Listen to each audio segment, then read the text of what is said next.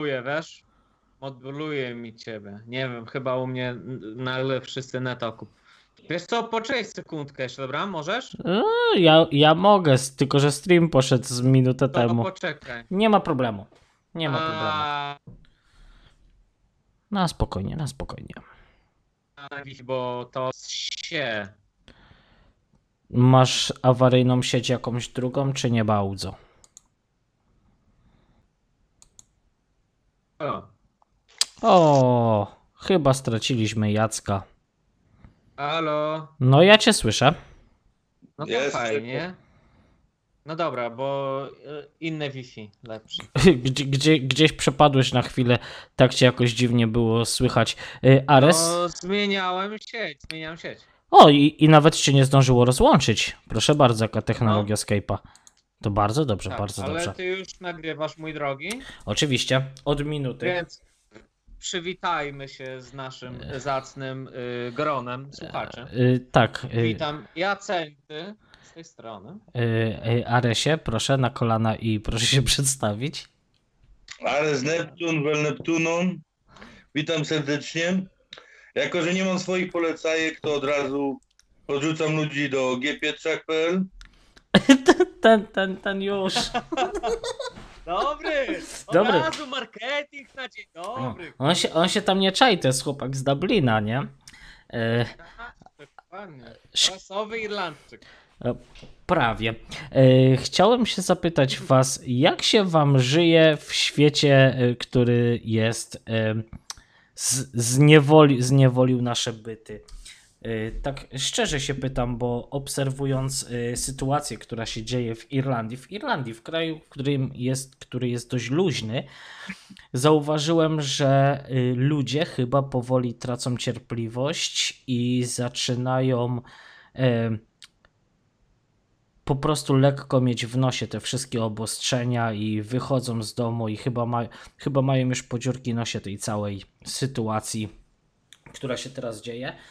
Co nieco trochę mnie denerwują fakty, fakty takie, że jak to u Irlandczyków, znaczy u Irlandczyków, u mieszkańców Irlandii, bo to nie tylko u Irlandczyków bywa, jest taka przekora, że maski to noszą ci, co nie chcą zachorować, a ci, co chyrlają, chodzą bez masek.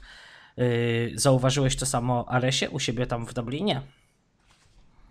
No ciężko mi powiedzieć, szczerze mówiąc, bo... Nie wiem, ja, to, to, ja na te maski już przestałem patrzeć, bo to w pierwszej chwili to było tak się patrzeć, to jak jacyś kosmici ci chodzą po mieście, Mhm. a teraz to już mam wyjebane, nawet nie zwracam uwagi, czy ktoś ma maskę, czy nie. No, ja, ja po prostu dzisiaj zwróciłem uwagę na to, że jak byłem w sklepie, to jedna baba chodziła i chyrlała na wszystko bez maski.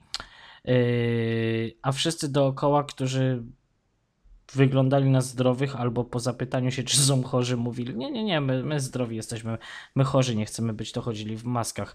Tak pow- powiem uczciwie, że już y, trochę szwendając się po tym slajgo, Mm, Niestety widzę, że coraz więcej biznesów prawdopodobnie tego nie przetrwa. Jak jest w UK-u, y, Jacku?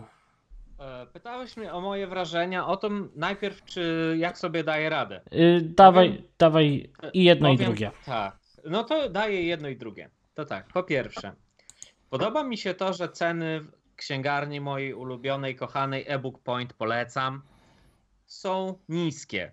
A Mhm. jak się zarabia funty, to są jeszcze niższe. Więc namiętnie czytam książki, słucham audiobooków, więc leci taka edukacja, żeby się nie wkurzać. Bo nie powiem, że mnie to wszystko cieszy, ale mam za to bardzo dużo wolnego czasu, bo nie mam pracy. E, Czekam na te furlough e, job retention scheme, czy jak to tam się nazywa. Mhm. No, dostałem payslipy, ale pieniędzy jeszcze nie, ale obiecali, znaczy obiecali. Słyszałem, że mają być pieniądze w czerwcu, na początku czerwca. Okej. I załatwiłem sobie jeszcze w międzyczasie Universal Credit, więc trochę z tego Universal Creditu dostałem. Mam oszczędności i sobie żyję z dnia na dzień. Czyli w zasadzie możesz sobie y, pozwolić na to, żeby mieć chwilowe wakacje bez większego stresu. Tak, dokładnie. Nie mogę tego powiedzieć o innych ludziach dookoła, bo okazuje się, że mimo tego, że oni chodzą do pracy, to ja im pożyczam pieniądze. No cóż, Nie każdy, nie każdy jest taką skarbonką jak ja, że no wiesz, jedni piją, a drudzy oszczędzają. Takie, takie realia. A więc mówię, książki się, książki czytam namiętnie, słucham audiobooków, później ewentualnie mogę jakieś polecajki wrzucić, co tam czytałem, co się spodobało. Mhm. Ale e, odpowiedź na drugie pytanie. E, Drugie pytanie e, było odnośnie, czy ludzie się stosują. Powiem tak, ludzie w maskach to rzadkość.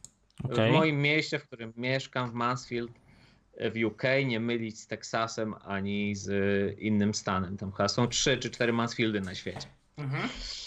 E, Dlatego ludzie mają chyba wyjechane. Ostatnio przejeżdżałem przez Nottingham, to był pełen park ludzi.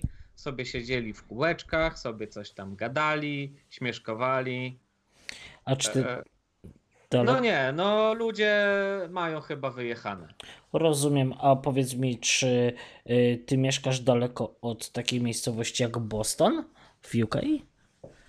Chyba. Tak, wiesz, y, Boston jest chyba na y, blisko morza, a ja mieszkam tam od morza chyba półtora, dwie godziny samochodem. A Bo rozumiem. chodzi ci o zmywaka. Dokładnie tak sobie pomyślałem o, o zmywaku. Tak, tak, jest tam. Do tego morza mam około dwóch kilometrów. On mieszka po prostu bardziej na wschód, a ja mieszkam bardziej w środku Anglii. A oglądasz jego filmy?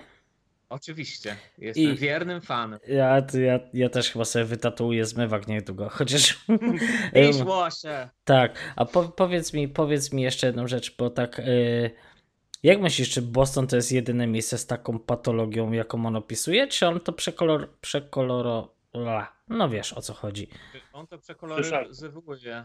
E, nie, on nie przekoloryzowuje. Ta, ta, tak serio może wyglądać życie w cywilizowanej ponoć Wielkiej Brytanii? E, powiem tak, to zależy, zależy gdzie się mieszka. Okej. I moim zdaniem centra są najgorsze, przynajmniej tak jak ja mieszkam w centrum, mieszkam Mhm. w centrum Mansfield. Z tego co wiem, to na sąsiedniej ulicy mieszka czterech dealerów narkotyków. Więc Ko- ludzie tutaj częściej spożywają takie różne rzeczy. Jak chodzę po ulicy, często czuję zapach marihuany. E, Różnie bywa, powiem tak, z przykładu na przykład mojej koleżanki mieszkała sobie w pokoju, ale reszta współlokatorów e, paliła. I przez to, że oni tak palili i to jej nie dawało spokoju, wyprowadziła się i lon- landlord powiedział: A, bo w ogóle często przychodziły osoby na ten pokój i, i, I szybko się wyprowadzały. I landlord powiedział tym ludziom, mówi tak, jeżeli będziecie nadal robić to, co robicie, to wy będziecie opła- opłacać ten pusty pokój. Bo będzie pusty, okej, nie ma sprawy, ja doliczę wam to do czynszu. Jakieś takie rynkowe rozwiązanie zastosował szczerze. No, No, ej, przez to, że oni tak ciągle jarają, y, jak opowiadała mi historię, że taka para tam mieszkała, czy mieszka, mhm. I oni po prostu pod wpływem już marychy, już tyle by, tak byli napaleni, że dostawali takiego zacięcia płyty. To tak ja bym ciągle mówił do ciebie. e, O tym, że bolą kolana na od przykład, rowerów. Czy, tak, czy bolą kolana cię od rowerów, ale bym to mówił tak co, co parę sekund, nie? Mhm. A, Ale Leniuch, bolą cię kolana od rowerów? b- Ale bardzo. Leniuch, bolą cię kolana od rowerów? I tak bym przez, przez dwie godziny to powtarzał. Serio, takie stany. No To nie jest zdrowe, to nie jest zdrowe. Nie Y, jest. zdrowe. Ale, ale tak pomyślałem, bo w sumie mam, mamy przy sobie teraz Aresa. Yy, Aresie, yy, drogi, ty mieszkasz, jak ty ładnie określasz Dublin? To jest europejs... Stolica narkotyków. europejska stolica narkotyków, tak? Ty, to może... No, To jest małe w sumie miasto, jak na standardy, bo to ledwie tam milion dwieście tysięcy ludzi, Mhm. tam 600 tysięcy samo centrum. No ale no i co ja mogę powiedzieć, jak w środku Dublina jest jedna wielka igła. Mhm. No i nie, no mogę to powiedzieć tak, no, no i wiem, że tutaj najpopularniejszym akurat, najbardziej po, pożądanym dragiem jest heroina. Heroina, jest czyli, czyli się nie bawią w półśrodki typu tam marihuana, haszysz, te, te klimaty, tylko od razu Nie, hera. Marihuana to jest taki dodatek, to wiesz, to jest...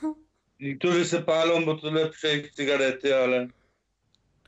Ale nie, nie, nie, marihuana to jest... To jest taki dodatek, powiem szczerze, nie? Bo to Najcięższym tutaj dragiem, takim najpopularniejszym jest e, heroina. Jest dużo, dużo jest ludzi tutaj uzależnionych od heroiny. Jakbyś tak powiedział pro, procentowo z ludzi, których y, znasz, y, którzy się bawią w narkotyki, to ile z nich jest faktycznie uzależnionych od heroiny? Tak plus, plus minus, jak myślisz? No ja bym powiedział tak, jest duża część, duża część Irlandczyków, którzy są, którzy są na przykład bezdomni, czy mieszkają tam we flatach konsilowych, Okej, to duża z nich jest, e, duża część z nich jest, jest na heroinie. okej. E, Polaków to, to, to Polaków akurat to, to, to jest małe, mała, mała ilość, jeśli chodzi o bezdomnych, bo akurat Polacy większość, większy procent jest pije alkoholików. O, to no rozumiem. Czyli taki nasz wschodnioeuropejski nauk, chlanie bardziej. No wiesz, wiesz jak to jest dla nich, jak, się jest w ciężkiej sytuacji, to ludzie różne rzeczy robią, a, a właśnie przytłumienie siebie to jest, to jest najtańsza i najprostsza rzecz, zwłaszcza, że w porównaniu do, w porównaniu wiesz, ceny, żeby coś wynająć i coś zacząć od nowa w Dublinie, a, a ceny do, ceny, a ceny dragów to jest, to jest niewiele, bo, bo wiesz, wiesz jak się zarabia tutaj, nie nawet nawet, nawet tam wsparcie socjalne to jest 200 euro tygodniowo, Mhm. powiedzmy działka heroiny to jest 15 euro, nie? To jest, Co, hola, hola, hola. Działka heroiny jest tańsza niż gram zioła? no zioło zależy, zioło jak, zioło jak kupują turyści, to turyści dostają 25 euro ceny, Okej. Polacy sprzedają za 10-15, Y, y, Polacy? no tak, tak, bo generalnie w Dublinie, że tak powiem, obrót zioła jest podzielony głównie między Polaków i Irlandczyków, nie? Jak ładnie. Mhm. Tak, Polacy mają tam swoje planty porobione, a większość, większość obrotu robią Irlandczycy, nie? No i Mhm. tam tak samo na przykład heroina jest tutaj strasznie ważna, to to, to trzymają grubi, grubi gracze ten towar i, i tam większej ilości to są, to są już napady policyjne i tak dalej. To zazwyczaj, zazwyczaj jest przemycane przez, e, przez port tutaj. Zdarzało się kilka razy, że, że garda wpadła i zatrzymała tam przemyt kilku kilo heroiny i przez na przykład e, stawki na ulicy się podniosły, bo nie było towaru na mieście. Nieźle. To Szczerze. trzymają grubi gracze, głównie Irlandczycy, tacy, ty będziesz wiedział, Lem, tacy st- stara mafia irlandzka, nie? To, Wi- wiadomo, wiadomo. to tutaj wszyscy znają. Na przykład kokaina nie jest aż tak popularna w Irlandii, Mhm. głównie trzymają murzyni znowu. No. Głównie, głównie murzyni się kokainą zajmują, bo oni gdzieś tam ze swoich rejonów zawsze przemycają najlepszy towar, to wiadomo, że od Irlandczyka też kupisz, ale zazwyczaj, zazwyczaj to murzyni rozprowadzają. Ciekawe. E, Haszysz, haszysz znowu Pakistańcy, to jest ich działka zazwyczaj. To jest różnica od dzio- i też niektórej części dzieła, bo to już nie wspomniemy dziole. Mhm.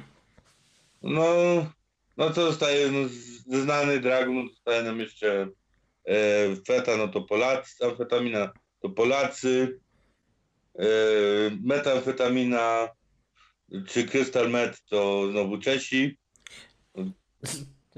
Jakie podziały narodowościowe. A powiedz mi, tak szczerze rzecz jakbyś tak się zaparł i miał ochotę na któryś z tych nar- narkotyków, to ile potrzebo- potrzebowałbyś czasu, y, teraz jak mieszkasz w Dublinie już od lat, ile potrzebowałbyś czasu, żeby mieć, że tak powiem, towar w ręce od pomysłu? I ile to schodzi tak czasu? Teraz jest późno, to bym musiał raczej dzwonić za towarem, ale jakby było w środku dnia, no to najłatwiej załatwić heroinę. Wychodzisz w 15-20 minut, znajdziesz kogoś, do którego kupić tam działkę. Nieźle. Jest trochę ciężej, bo to zazwyczaj ludzie na telefon, ale od biedy możesz pół godziny, godzinę kogoś znajdziesz z dziełem. Okej. No inne, inne dragi już ciężej załatwić. Nie? Na przykład ten czeski, czeska metamfetamina to w ogóle jest ich tak mało, że, że to ciężko w ogóle załatwić. Mhm. Kokaina też tym cytatem nie dosyłam, ale to jest akurat dosyć łatwe do, do załatwienia, bo y, wielu, y, wielu czarnych ma to, to, to, to wystarczy kogoś znaleźć, kogoś znaleźć w tej dziedzinie i też pewnie pół godziny by załatwił. Niesamowite. I dodałem najgorsza rzecz z kokainy. Z kokainy się robi krak. Na szczęście krak tutaj nie jest bardzo popularny. Głównie to tam głównie bierzą ludzie do tego, nie? A z czym na przykład w Londynie jest dużo e, krakersów, znaczy się ludzi, ludzi uzależnionych od kraku. Okej. A krak to jest taka pochodna kokainy, którą się specjalnie gotuje bodajże sodą oczyszczoną i czymś tam. I to się później pali na takich, o to możecie znać, takie crack pipe, nie? Albo na butelce to się pali, to daje, to daje duży odlot, ale na chwilę tylko. Także się mówi, że jak ktoś pali crack, to nieważne ile ma pieniędzy w kieszeni, wszystko pójdzie na ten towar, bo on daje duży odlot, ale na krótko. Trzeba często powtarzać. No i tutaj na szczęście nie jest aż tak popularny, z czym, że w Londynie jak są, jak są właśnie ci krakeści bardzo uzależnieni, to oni już naprawdę zrobią wszystko, żeby mieć na ten towar, bo i się, się różne dziwne rzeczy dzieją, nie? W tych najgorszych częściach Londynu, nie? Mhm. Nie, To no nie jest tragicznie, bo to jest, jest dłuższy czas, kiedy ona działa i tylko, że trzeba znowu mieć ją stale, bo inaczej, y, bo, bo to jest uzależnienie fizyczne, więc, yy, więc organizm wysiada, jak się nie ma odpowiedniej ilości towaru. Czyli to jest coś takiego, jak widzimy na filmach, że jak ktoś idzie na, na detoks, to go pasami do łóżka przypinają. Jakby. W heroinie tak, przy heroinie to jest, z tego co mi wiadomo, tydzień do dwóch tygodni, w których właśnie, e, właśnie, właśnie taki człowiek na odwyku żyga, ma gorączkę, wszystko najgorsze. O matko. A jest paradoks, bo znowu heroina najprościej się leczy, leczy no. Leczy się z y, sickness, czyli ten chorobę, nie? Mhm. mam przez, jak się nie, nie, nie ma heroiny, jest się uzależnionym i się nie ma na przykład drugi dzień, każdy ma Okej. tam swoje limity, zależy od tego ile, ile wytrwał w Mhm. życiu, to wtedy się zaczyna robić chory, jest coraz bardziej chory, słaby, tak jakbyś miał, tak, tak jakby taka porządna grypa bierze, Rozumiem. ponoć, ponoć łupie w kościach, kości bolą, widziałem takich wykrzywionych nieraz ci ludzie, to, to uzależnienie od tego, Mhm. I jest na przykład leg na to, znaczy leg, leg na to, żeby samego tego signesa nie było, Mhm. czyli samej tej choroby. Choroby, tak. On nie daje, on nie daje, on nie daje haju, tak jak sama heroina, ale leczy tą chorobę, to się nazywa metadon, Okej. taki syropek, nie? Mhm. Problem jest taki, że, że sam ten metadon, on jest jeszcze bardziej, on jest jeszcze bardziej, e, jak się mówi, Uzależniający? od samej heroiny. Także ja mam znajomego, co, e, co był na odwyku na heroinie, to mówi, że on to jeszcze chuj, bo on w tydzień wyszedł z tego, z heroiny. Mhm. To się, ci, co wychodzili z, e, z tego, z metadonu, to dwa razy gorzej było. O proszę. Czyli taki lek, że w zasadzie bardziej uzależnia, chociaż mniejsze szkody robi. No tak, bo to taki syropek tylko coś i tam się pije zależnie od tego, od człowieka, takie dawki tam 20-50 ml. To, Znaczy 50 to jest chyba duża dawka. Standardowa to jest chyba tam 20 do 40 ml. O ile dobrze pamiętam. Ty powiedz Jacku, jak wygląda rynek narkotyków? W ogóle jak nam fajnie audycja skręciła. Chciałem tu o Mhm. wolnych ludziach w niewolnym świecie, a tu nam narkotykowa audycja wyszła. A jak narkotykowa sprawa wygląda w e, UK? Skoro mówisz, że tam blisko jacyś dealerzy, to pewnie znasz też ludzi, którzy gdzieś tam coś... Mm, ale znam tylko ludzi, którzy marihuanę kupują. Czyli podobnie. tak, podobnie. nic, nic, nic hardkorowego. Znaczy ja nie znam, tak? Ale jeśli chodzi o to, co mówił Ares, to ja jestem, że tak powiem, na bieżąco y, z tymi informacjami o metadonie i o tych głodach, bo polecam, polecam bardzo tak książkę, A. która jest wywiadem rzeką z panem Robertem Rutkowskim, który był heroinistą w latach 80. E, Wyszedł z tego i teraz jest bardzo popularnym, znanym e, terapeutą uzależnień. Okej, a jak ty na tę książkę trafiłeś? Przez audiobooki? Okej. Audio, audioteka.pl I możesz podać taki- tytuł książki? E, Już, chwila, moment, wchodzę w Spoko. aplikację. Spoko, spoko, bez paniki. No, no mówię, format jest to wywiad rzeka z panem Robertem Rutkowskim. E, oswoić narkomana. Mhm.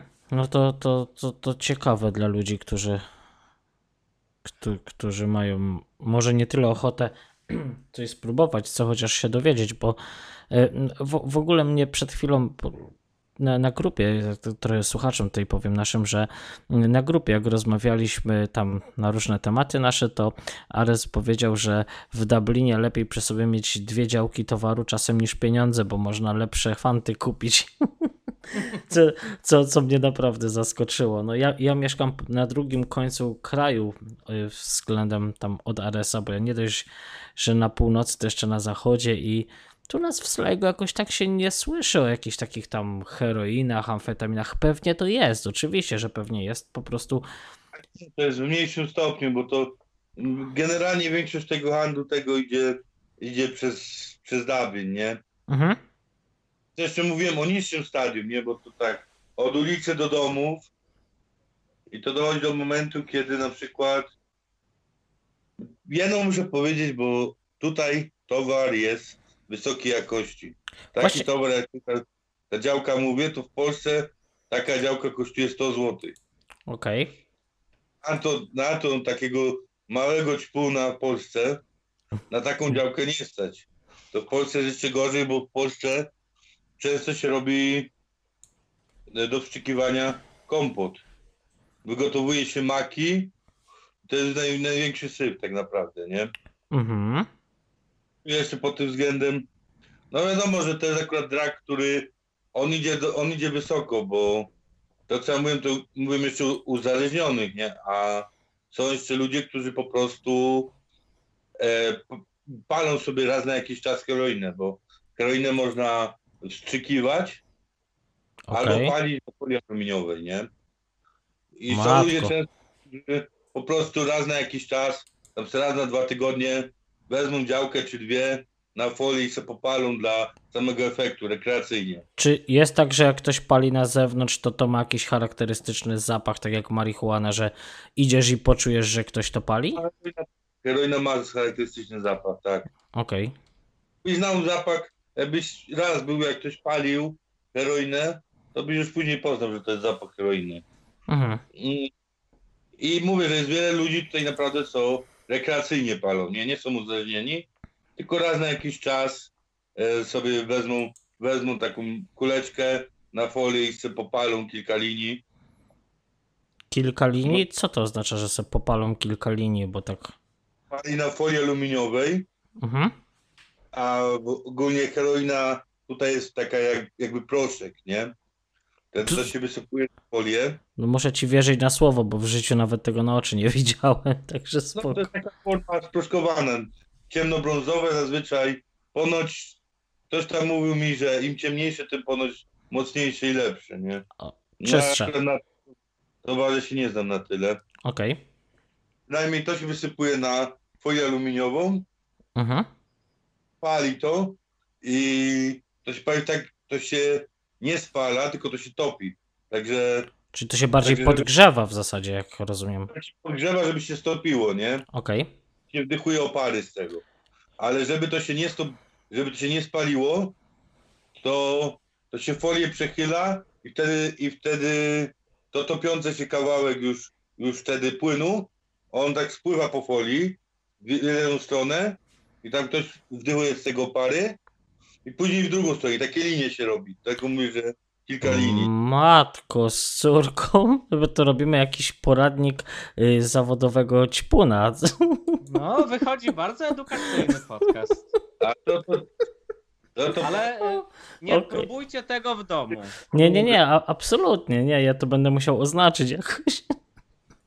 Ja nie, bo mówię o tym dlatego, że zazwyczaj przy większości te, tego typu dragów Okej. palenie jest najmniej, najmniej, najmniej niebezpieczne. Bo to jest, to jest y, sposób zażycia, którym ciężko się ciężko przedawkować. Okej. wstrzykując można dosyć łatwo e, za, za dużo towaru dać i zaliczyć złoty strzał. No dobrze, ale z jednej strony, e, jak Dobra. się tym, rozumiem, inhalujesz w jakiś sposób, to e, też. Nie wciąga te opary z tej kulki. No dobrze, tyle tylko, że jeżeli się tak inhalujesz, to możesz też się tak naćpać, że zrobisz jakąś straszną głupotę, typu na przykład zaczniesz ćwiczyć latanie tam, wiesz, z, z mostu na przykład do rzeki, czy coś na ten sens. Akurat heroina ma takie działanie bardziej uspokajające. Heroina To jest- jest uspokajająca? To jest coś pomiędzy ziołem a, a tabletkami uspokajającymi, mógłbym powiedzieć, nie? Żartujesz, ja myślę, a, a jak się nazywa taki narkotyk, co tak strasznie pobudza? Am, amfetamina? No to amfetamina, tak. Tamina, Okej, kokaina i krak. okej. No, to- Jestem tak zielony w temacie, że hej. No, Jacku, polecam ci tego audiobooka. Właśnie polecam ci tego audiobooka, ponieważ y, ten wywiad rzeka z Robertem Rutkowskim. Robert Rutkowski był heroinistą, który brał heroinę do żyły. Okej, no spoko, ja, ja, ja chyba, chyba z wrażenia aż, to, a, aż ten wywiad przesłucham, przeczytam, bo Polecam. y, a powiedz mi tak z drugiej strony y, y, może zaczniemy od Aresa jeszcze. Ares, a tak, bo powiedziałeś, że turysta płaci tyle i tyle. A skąd turysta w Dublinie może wiedzieć skąd to znaleźć? To, nie wiem, aplikacje macie jak Uber Eats czy coś? Ale jak są, no to normalnie się pojawiają. Normalnie się pojawiają ludzie w parkach, gdzieś tam, gdzie turyści są i, i chodzą i, i sprzedają zioło. No. Czyli jest coś takiego, jak mieliśmy z Madzią na tym, na y, Maladze. Siedzieliśmy sobie w, w parku, tam, tak, w parku, no, tam na jednym z vlogów widać i po prostu podszedł typ do nas i się zapytał, czy chcemy marihuanę kupić. To w ogóle na początek takie oczy chłopie, no co? Mówię, nie, dziękuję. I poszedł do następnych i do następnych i chyba jak ktoś złożył, że tak powiem, zamówienie, to on y, odchodził... o- Mówię, zawołał gościa, żeby przed towarem. Yy, chyba sam odchodził z tego, co widziałem i wracał. To, ale w ogóle wie, w ogóle na Maladze strasznie było dużo czuć zioła. Jak się chodziło gdzieś, czy siedziało w parku, to, to naprawdę zi- zioło, zioło. Z ziołem to ja miałem najlepszy przypadek kilka lat temu, No opowiadaj. bo centrum to centrum, nie? Mhm.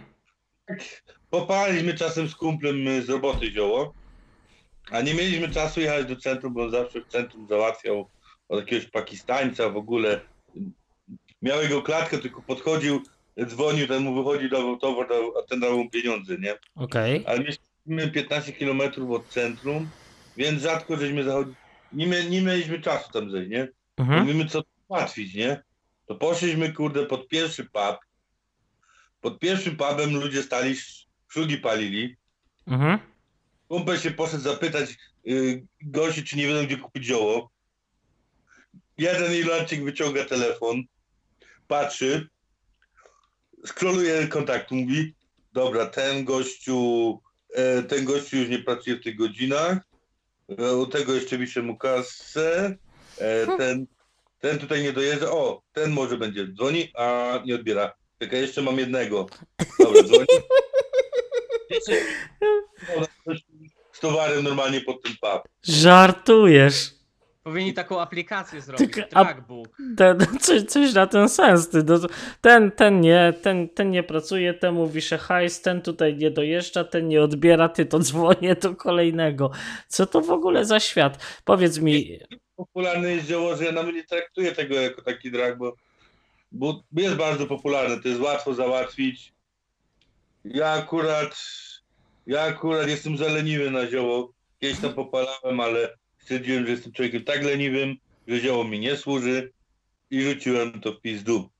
a długo się raczyłeś? Że tak zapytam? A to tam czasem popalałem przez jedno lato tak, że, chyba ciągnęliśmy chyba przez trzy tygodnie czasu tak, że dzień był taki, że wychodziliśmy, wychodziliśmy do parku raz z rana i cały dzień jointy paliliśmy w parku. Tak na legalu? No, Ale nie mówisz o, mówisz o, do parku. Przepraszam, a czy ty mówisz o Phoenix Park, czy ty mówisz o jakimś parku gdzieś jakimś innym? Nie, ja mówię o tym drugim, naj... czekaj, jak się nazywa ten park. E... E... Stevens Green Park. Tam zazwyczaj, jak, jakbyś potrzebował kupić towar w lecie, Nie, dziękuję. Człowieku, jestem, jestem tak le, leniwy poza... No. Przejdziesz ten park raz i spotkasz 10 osób, które palą i, i przynajmniej z dwie, trzy z tych osób będą miały albo sprzedać, albo, albo będą miały kogoś, kto może przynieść towar. Także. Niesamowite. Jest taka ogromna łatwość zdobyć, zdobyć w Dublinie ten. Pamiętam, jak właśnie powiedziałeś o tym, że jest Dublin i reszta Irlandii, że Dublin to jest europejska stolica narkotyków, czy, czy, czy, czy ćpania, czy jak ty to tak fajnie ująłeś. I od tej pory się zastanawiam, jak to jest, że przecież tak na dobrą sprawę Irlandczycy, ludzie, którzy są znani bardziej z życia w pubie, przy piwie i sączenie tego piwa przez, wiesz, 4 godziny jednego i nagle się okazuje, że to jest tak rozćpany, dobrze odmieniam? Naród? Nie kłócą. My to jeszcze przyjechaliśmy w gości, jakby nie patrzeć, nie? To może Ale- ty. Żyjesz sobie, No. żyjesz sobie na tych smutnych wyspach od urodzenia. Widzisz, że kurde, ciągle tutaj wiatry albo nie wiatry. Słońca prawie nie ma w ciągu roku. No stary, my od, mar- od marca mamy tutaj Hiszpanię, to. Ale ja wie- wiem o co ci chodzi. No wiem o co ci chodzi, no. Pracę akurat, nie? No. No i tak kurde, przedstawisz się, że no myślisz, żebyś też nie, nie pomyślał, że no zapaliłbym się z jointa i kurde od razu lepiej. Widzisz, ja chyba jestem za dużym, ja jestem chyba za dużym, yy, jakby to powiedzieć, ym, poczekaj, żeby użyć prawidłowego słowa, um, może nie panikarzem, ja po prostu bym się bał takie coś zrobić z racji tego, że wiesz, jak ty opowiadasz, ludzie biorą to, ćpają to, tu palą to, tu się inhalują tu, tu, tu sobie wrzucają coś, ja bym po prostu bał się, że coś zrobię. Poza tym jakoś mnie nie kręcą takie odmienne stany świadomości. Ja stary piję piwo bezalkoholowe, no to Ale ja, ja mam tak samo jak ty, Leniu, wiesz, to, to właśnie o tym lęku, bo powiem wam, że słyszałem, że właśnie osoby, to też w tej książce było, ale też wcześniej słyszałem, że właśnie, że narkotyki wyciągają z ciebie różne rzeczy. I na przykład jeżeli masz tendencję do depresji, no to walą cię w jeszcze większą depresję, będziesz miał tak zwanego bad tripa. okej. Jeżeli jesteś fajnie pozytywnie nastawiony do życia, no to będziesz jeszcze radośniejszy.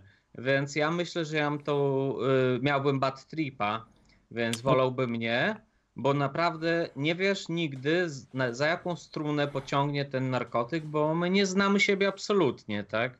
A to A co, a co do, mogę jeszcze? Y, Jasne, jasne. Bo y, ty opowiadałeś o tej maladze, y, Mhm. To ja miałem trochę podobną sytuację w Birmingham. Pojechałem kiedyś, poznałem takiego ziomka, y, gadaliśmy tam, graliśmy w gry. No i tak jechałem do Blackburn, do swojego przyjaciela. I po drodze jechałem przez Birmingham. To myślałem, a ustawię się z nim. No i tak kupiliśmy sobie po piwie, siedzimy w parku. I nagle podchodzi, siedzi obok y, grupka ciemnoskórych na ławeczce obok. Mhm. My sobie sączymy to piwo. I jeden z nich podchodzi i pyta się, czy nie chcemy kupić jakiegoś zielska. Mhm. No i ja mówię, że nie, sorry, ja to nie. A mój kolega mówi, dobra, no to tam daj numer, nie? I opowiada mi później, ja mówię, ty, jak to tak? On mówi, no wiesz, czasami wychodzę do sklepu, wracam z trzema numerami. Co? Witajcie w Birmingham, tak. Ja, to, czy, czy, czyli to nie tylko Dublin. No wiecie, Nie, nie. Zastanawia mnie, co takiego jest, co takiego jest w psychice ludzkiej, że ludzie szukają sobie za wszelką cenę odskoczni takiej, że są w stanie poniekąd też. Ja wiem, że zabrzmie trochę jak taka lama i o, bo narażają swoje zdrowie, ale no. Ja rozumiem walnąć sobie, wiesz, kawę, dwie, trzy, zabrzmie jak totalna lama, czy, czy, czy walnąć sobie tam browara dwa, nawet takiego z alkoholem, ale wiecie, przecież kurczę, wrzucacie do swojego organizmu rzeczy, które są absolutnie robione przez nie wiadomo kogo. S- a nie, to leniuchu, słuchaj mnie, to, słuchaj mnie teraz bardzo. słucha, słucham cię. Jeśli mówimy o ziole, Mhm. Maryśce i tak dalej, jak zwał, tak zwał, Mhm. to tak naprawdę jak popatrzysz w badania, to ona jest dużo mniej szkodliwa jak alkohol czy papierosy. Marihuanina? Tak, ona, on, ona jest dużo mniej szkodliwa jak alkohol, tak. To jest 200%, także powiem ci szczerze, że dla twojego zdrowia Dobrze, ale py pytanie. lepiej jak zapalisz se jointa raz na tydzień niż jakbyś miał się nawalić raz na tydzień. No dobrze, ale powiedz mi, bo tak wiesz, fajnie jest sobie szafować To znaczy, liczba.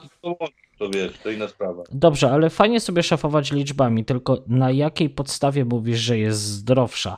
Bo no nie wiem, czy jeżeli ktoś sobie nawet pije tam y, takiego z alkoholem browara jednego, dwa na, na dzień, czy tam co drugi dzień, to podejrzewam, że mniejsze skutki dla niego to będzie miało niż y, tam jaranie zioła, chociażby ze względu na to, że y, no płuca sobie chyba trochę bardziej niszczysz niż od takiego piwa. Ja nie mówię tu o chlaniu wody jakiejś czy denaturatu, które ci zeżre wszystko. Leniuchu zioło też można jarać na różne sposoby. Na przykład? Przez fajkę wodną wtedy płuca praktycznie nie dostają. Bo Mm, najgorsze tak są te substancje smoliste, które, które są po to, żeby się paliły. I one najbardziej biją po płucach. Okej, płuc- dobra, fajka wodna, czyli to jest coś, co kojarzy mi się bardziej z jakimiś filmami arabskimi, gdzie jest taki jakiś... Tam kładli, tam kładli kawałeczek taki y, stąpek, czy, czy, czy to zioła, czy kurde, czy, y, czy tego drugiego. Haszyszu? Haszyszu. Kładli na, na sreberko, na takim kurwa urządzeniu. To Mhm. podpalali i przez, i przez taką i przez taką rurę ściągali, nie? Tak, tak, tak, tak, tak. Taka shisha, No. czy jak to się tam nazywa chyba, nie? No to, to normalnie czysty towar, to nie, wtedy nie masz tych substancji smolistych, tylko samo czyste zioło, nie? To Mhm. jest kurde uderzenie potężne tak naprawdę, nie? Ale Że, że też Jacek? Coś w temacie? E, powiem ci, że moim zdaniem, tak jak słuchałem tego gościa, bo sam nigdy nie paliłem, no nie? Okej. Ale mówię, ja nie paliłem, bo nie chciałem po- podejmować się tego, że właśnie mógłbym dostać tego bad tripa, bo tego, co on powiedział, no i tak ludzie mają, że na marihuanie ludzie sobie, to zależy od twego nastawienia, czy jesteś po, jakby podatny na wkrętkę, czy jesteś podatny na sugestie albo autosugestie. I jeżeli jesteś bardzo mocno podatny na, autosugestie, cały czas na przykład masz ze sobą jakieś, nie wiem, wmawiasz coś sobie, nie wiem, że cię nie kochają, czy jakieś inne takie rzeczy. Brzy, nie brzydki jesteś. bezwartościowy, brzydki, kompleksy, nie? Mhm. I jeżeli sobie walniesz marychę i zaczniesz sobie jeszcze baj wkręcać, no to to jest piorunujący efekt. Więc na jednego działa tak, na drugiego działa inaczej i na każdego działa inaczej, więc nie ma takiego porównania, że działa tak samo na ciebie, działa na, ko- na kogoś innego. Y, Dlatego ja bym się bał. A No. co do innych rzeczy, to też wiadomo. Jak sobie poczytałem tak, tę książkę Dragi i Wojna, później posłuchałem sobie tego y, pana Roberta, Mhm. No widać, że to nie ma sensu. Ludzie po prostu biorą to jako taką protezę. Czyli- Nie widzą sensu w życiu. y, Mają, y, na przykład ten pan Robert był niedoceniany nigdy przez ojca, mimo iż y, to taki wysoki chłop. On jako 16 czy 17-latek był w reprezentacji Polski w koszykówce w drugim składzie. To, to, To był koleś, nie był pierwszy z łapanki, tylko to był fachowy sportowiec. On w tak młodym wieku bardzo dużo osiągnął. mhm. I on, ale jednak, mimo że miał te braki z ojcem, ojciec zawsze niezadowolony, ojciec wybrał mu nie taką szkołę, do której on chciał pójść, chodził do szkoły na siłę i tak dalej. No sorry, nie mam własnego doświadczenia, mogę trochę pospoilerować, żeby ktoś chwycił za książkę, bo uważam, że naprawdę, powiem tak, ja tak mam, że przeważnie ska skaczę z podcastu na podcast z jednego, z jednej książki na drugą. Mhm. A to przesłuchałem jednym ciurkiem, no to 6 godzin, to w dwa dni. 6 godzin. Y, No to jest tak, takie... 6 godzin, wywiad rzeka. Naprawdę super. Pokazuje to, jak działa umysł y, narkomana. Jeszcze opisane to w taki bez ceregieli. Naprawdę tam jak trzeba było, to i trochę ujów y, się sypnęło, i urw i tak dalej.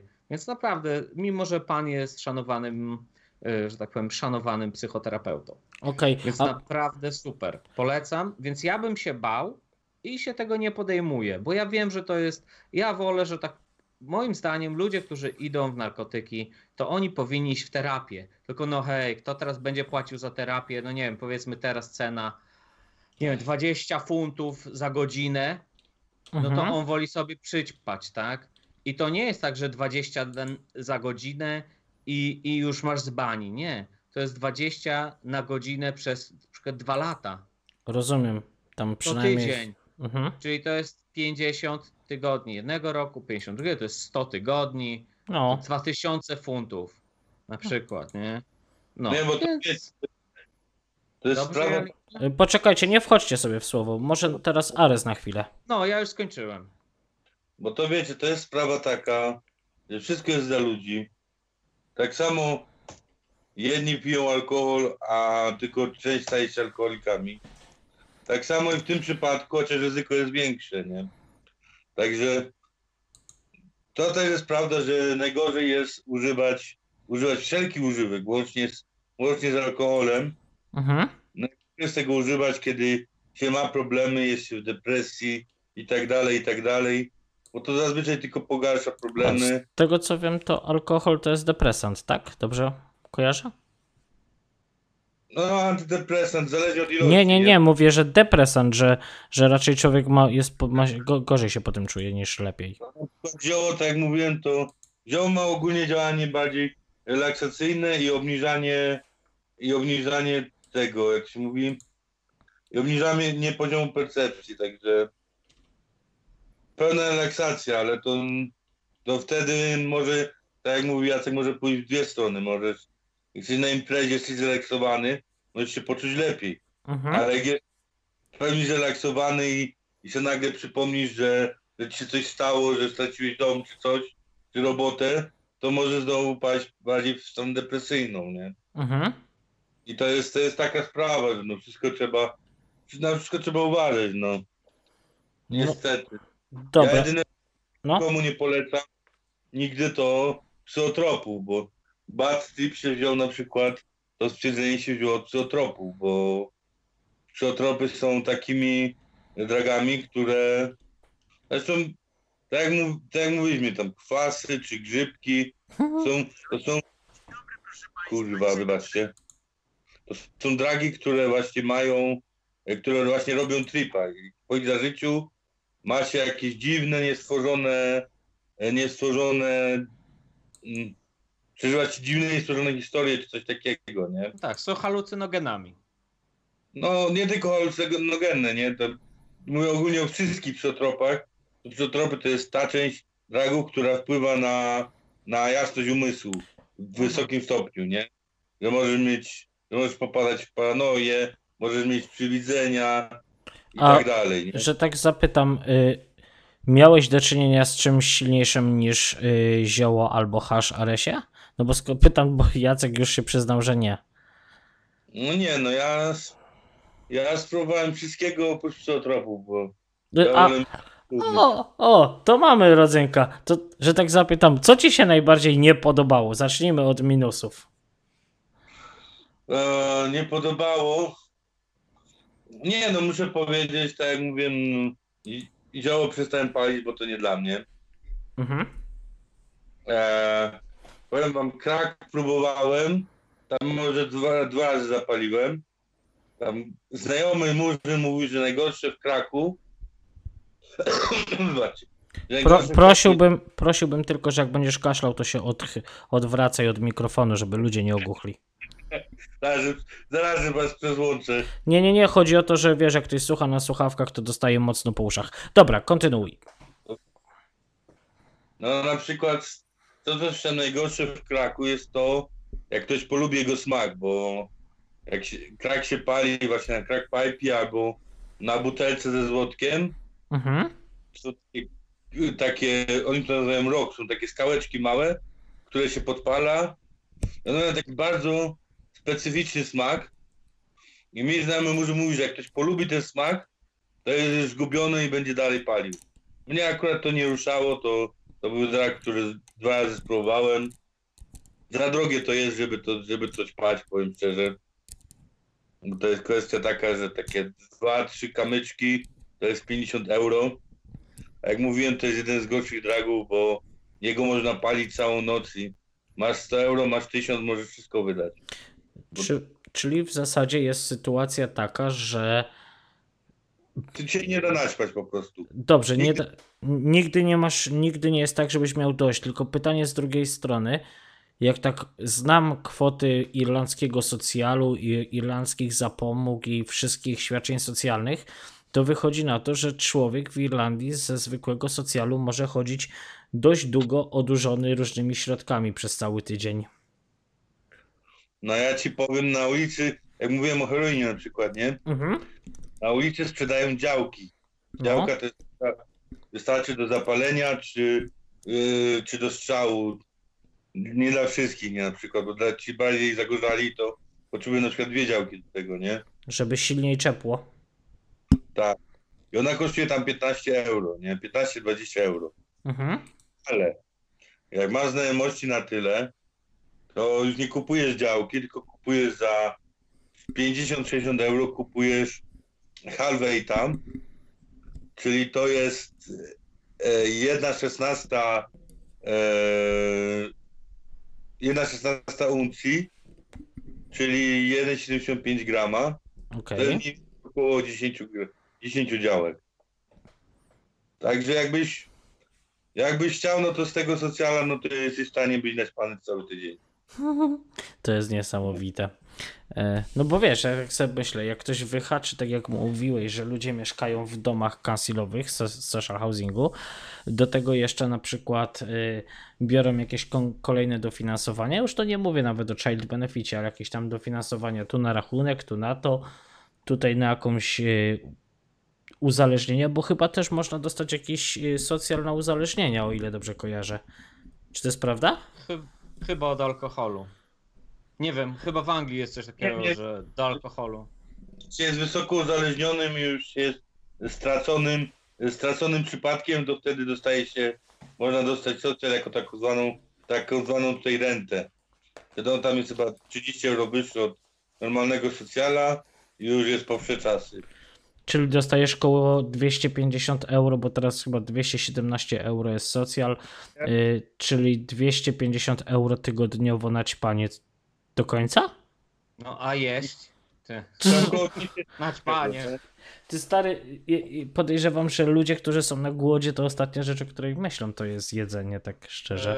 E, tak, tak, tylko później nawet nie mają czym, się, czym jeść, bo wróżka, heroinuszka e, po prostu usuwa wapń z twoich, e, z twoich komórek i wypadają włosy, niszczą się paznokcie, wypadają zęby, więc już tylko zostają im później e, co drugi wystąp albo w ogóle nie mają zębów. Jak, jak powiedziałeś, wróżka heroiniuszka. Tak, Matko. wróżka, heroinuszka. I akurat, a, przypomniało mi się, znam człowieka, który jest, brał heroinę, Mhm. No i często miewa właśnie, może nie tyle, że nie ma zębów, co Okej. często ma bóle zębów. I Bóle nieraz zębów. już się zdarzyło, że tak, tak, tak. No a nie lubi chodzić do dentysty, a trzeba mu po prostu wymienić tam te zęby chyba, czy coś takiego, więc jest naprawdę w, w czarnej dupie, Okropne. więc nie polecam. Nie polecam, To nie tylko bo... nie? Bo zęby wypadają, czy no i później wyglądasz jak wyglądasz bez zębów. No chyba ćpuna nie stać na implanty, bo on nie dba już o swój wygląd. Mhm. Nie, to jest przesrane, naprawdę. Ja wszystkim odradzam y, branie narkotyków, bo ja nie muszę próbować, żeby widzieć, jakie są skutki. To tak samo nie muszę przeżyć powodzi, żeby wiedzieć, jakie są skutki powodzi. Nie, No tak, tak. I, i Ares, coś zacząłeś nie mówić. warto. Moim zdaniem nie warto. zębami to jest sprawa taka, że to nie tylko jest kwestia towaru, tylko kwestia e, folii aluminiowej, bo z niej się unosi zazwyczaj częściowo w minimalnych ilościach azotan srebra, który źle działa na, na zęby również. A czy to jest też tak, że ludzie sobie wcierają coś w zęby? Bo tak widzicie na przykład na filmach, jak był ten No. El Chapo, czy właśnie ten drugi y, Narcos, to oni tam sobie brali taki biały proszek, gdzieś wcierali w podniebienie, czy w... Nie, Coś. zęby, zęby, kokainę. O, Aha, no, kokaina. No tak, bo może już, bo po dłuższym braniu narkotyków, na przykład, nie wiem czy znalazł się ten film, y, że życie ma sens. mm, nie. No to jest właśnie o bry- o braniu narkotyków, bardzo polecam, bardzo ciekawy, chyba jacyś studenci to nagrali. I to jest taki naprawdę y, żywo, jak żywo. Nawet jest pokazane jak y, koleś wywozi swojego dealera do lasu, bo mu zaczął y, brać, zamiast sprzedawać to zaczął brać tą amfetaminę. I w tym filmie jest pokazane, że w pewnym momencie y, od wciągania amfetaminy dostajesz nieżytu nosa i już przez nos ci nic nie przejdzie, to wtedy oni na przykład piją w wodzie, rozpuszczają amfetaminę, żeby dostało się do, do śluzówki, bo inaczej już nie dają rady. Słyszałem też, że można brać kwasa przez rogówkę oka z takich ekstremalnych Dobra, rzeczy. poczekaj, bo już mnie albo- wszystko boli. Albo czopki. Co? Kwas w czopkach, LSD na przykład. Tak, tak. Bardzo, tak, odbyt jest bardzo ukrwiony i bardzo szybko dostaje się. No przecież Bardzo. Ej, tak, ja przepraszam, przepraszam, o chwila moderacji. Yy, Daj Ares dokończyć Jackowi, zaraz ci Aresie udzielę głosu, ok? Dajesz, E, Jacek. e, odbyt jest bardzo ukrwiony. Mhm. I przecież dużo leków jest w postaci czopków. I a, że narkotyki to częściowo są leki, no to może poza dopalaczami, y, większość to są leki, więc też można podawać je do odbytniczo. Więc są różne sposoby. No te picie amfetaminy to jest chyba raczej taki efekt tego, że śluzówki masz zajechane w nosie. Mhm. No, naprawdę jest dużo, dużo kombinacji. A, ten Robert nawet mówił, że to jest trochę marnotrawstwo heroiny, ale jak nie masz igły, ale masz jakąś ranę, to możesz sobie ją rozdrapać i sobie yy, dozować. No way. Ale oczywiście, ale oczywiście wtedy masz mniejszy high, no bo nie jest to prosto w krwiobieg. Jasne. Yy, Ares? No, Ares. A nie, nie, ja tylko dodawałem, że te czopki, no to o tym nie wspominałem, bo to jest bardzo rzadkie, ale to praktycznie chyba wszystkie dragi można w czopkach przyjąć. Tylko, że to jest ciężko wyprodukować i, i tak dalej, nie? Ale tak samo mogli, mogliście widzieć nieraz na filmach, amerykański było, że kurde, właśnie w ten sposób lali komuś browary i wtedy dużo szybciej się upijali. Ja nie widzieliście tego nigdy na, na filmach amerykańskich? Ale że co, ktoś siedział w alkoholu? Nie, le, do góry nogami lejek i, i lali, kurde. A nie, nie. nie słyszałem. Ja gdzieś, gdzieś, gdzieś mi tak na kilku filmach mignęło to, bo to No to właśnie, może jakieś American Beauty Pie, czy jakieś inne tam. nie, bo w ten bo w ten, w ten sposób szybko, szybko ta substancja uderza się i wchłania, tak. tak, tak, dużo szybciej jak, jak przez układ trawienny, nie? Tylko No tego- tak, no bo omijasz Ej. żołądek, tak, omijasz wątrobę i tak dalej, leci to prosto w krwiobieg. No, praktycznie rzecz biorąc, no. Co, co, co wy mi tu opowiadacie w ogóle? Rozdra- Życie, mój drogi, życie. To wiesz, to dla mnie to jakaś abstrakcja. Ja myślałem, że ludzie to sobie gdzieś tam palą, nie wiem, wdają w żyłę, czy tam wciągają w nos, a wy tutaj mi To również, to również. o rozdrapywanie ran, wkładanie z czegoś w tyłek. E, tak, no powiem ci, że te osoby są bardzo zdeterminowane i y, szukają. To, o czym mówił właśnie Ares o kompocie, to właśnie ten y, pan Robert brał. Mhm. I on opowiadał, że tam to jest y, po prostu, jak się wyprodukuje ten polski kompot, to go trzeba w ciągu kilku godzin sprzedać na działki, i, bo on już się psuje. To są nawet, wiesz, to nie jest data ważności 5 dni, 10 dni, rok. To jest data ważności 3 godziny. To, No to, to chyba, jest. chyba, lepiej, chyba lepiej mieć po prostu ludzi, którzy chcą to kupić i wtedy to produkować, a nie. No tak, tak, tam kolejki y, się ustawiały i to grubo. A czy przypadkiem kompot to nie jest to, co jest takie popularne w więzieniach w Polsce? Tak mi się coś kojarzy. Nie, polska heroina to jest kompot. To się bierze w żyłę głównie. A, czy To się takie, to w takich wacikach, Y, tak? poczekajcie. Się, jakieś waciki się wygotowywuje, czy coś takiego, to się w taki sposób transportuje. I później się sprzedaje do strzykawek. Yy, Ares? no, ogólnie wygotowane maki odpowiednie, nie? Mhm. Czyli dlatego nie można sobie hodować maku, jakby ci się zachciało. Dokładnie. Halo, panowie? No tak, tak, masz rację. A. Nie można hodować maku. Nie pamiętam kiedy to było, ale u mnie chyba wujek nawet hodował mak, ale to było, wiesz, dobre ze 20 lat temu. I był taki okres w Polsce, że po prostu wypalano wszystkie, e, wszystkie makowiny, wszystkie, gdzie mogły być. Co Wszystkie jest? mak wypalano z pól. Czyli Nie po- mogłeś posiadać maku. Mhm. Tak, tak się zastanawiam. Y, Ares, może ty kiedyś liczyłeś, jesteś w stanie podać, ile znasz ty rodzajów y, narkotyków, zarówno, zarówno tych biologicznych, jak i syntetycznych, tak wiesz, od zioła po jakieś turbosyntetyki? O kurde, panie. No tak pi razy drzwi, czy tego jest 10, 20, 50? Że- A nie, no to musielibyśmy liczyć odmiany i tak dalej. Mógłbym podać takie bardziej popularne, nie? Mhm. Popularniejszych organicznie, no to mamy tak. Zioło, haszysz, kokaina. Co jest organiczne? Mm. Więcej jest syntetycznych, szczerze mówiąc, bo syntetyczny, no to mamy tak. Wszelkiego rodzaju psychotropy, czyli tabletki nasenne, antydepresyjne i tak dalej. Jakieś, jakieś na choroby psychiczne. e, Masz opiaty.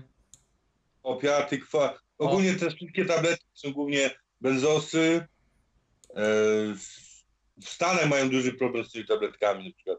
Tam jest wysokie uzależnienie od benzosów, od tych tabletek. Mhm. Mają z tym problem. E, Do tego e, kwasy, MDMA, te tabletki imprez, imprezowe to były. Ekstazji. To właśnie. No to amfetamina, metamfetamina. No heroina jest, heroina jest w sumie półorganiczna, bo to nie wiem, to chyba bardziej podorganiczną heroinę jeszcze podał, nie? Morfina. O morfina to... Opium. No o, o właśnie, nie, to opium będzie organiczna, a heroina już będzie syntetyczna, bo to jest z opium robi głównie, nie? I powiedz ty mi, Aresie, y, na dzień dobry cię spytam, to wszystko jest dostępne w Irlandii? No, może opium nie, bo, bo słyszałem, że w Czechach, że w Czechach jest problem z heroiną, ale za to łatwo załatwić opium.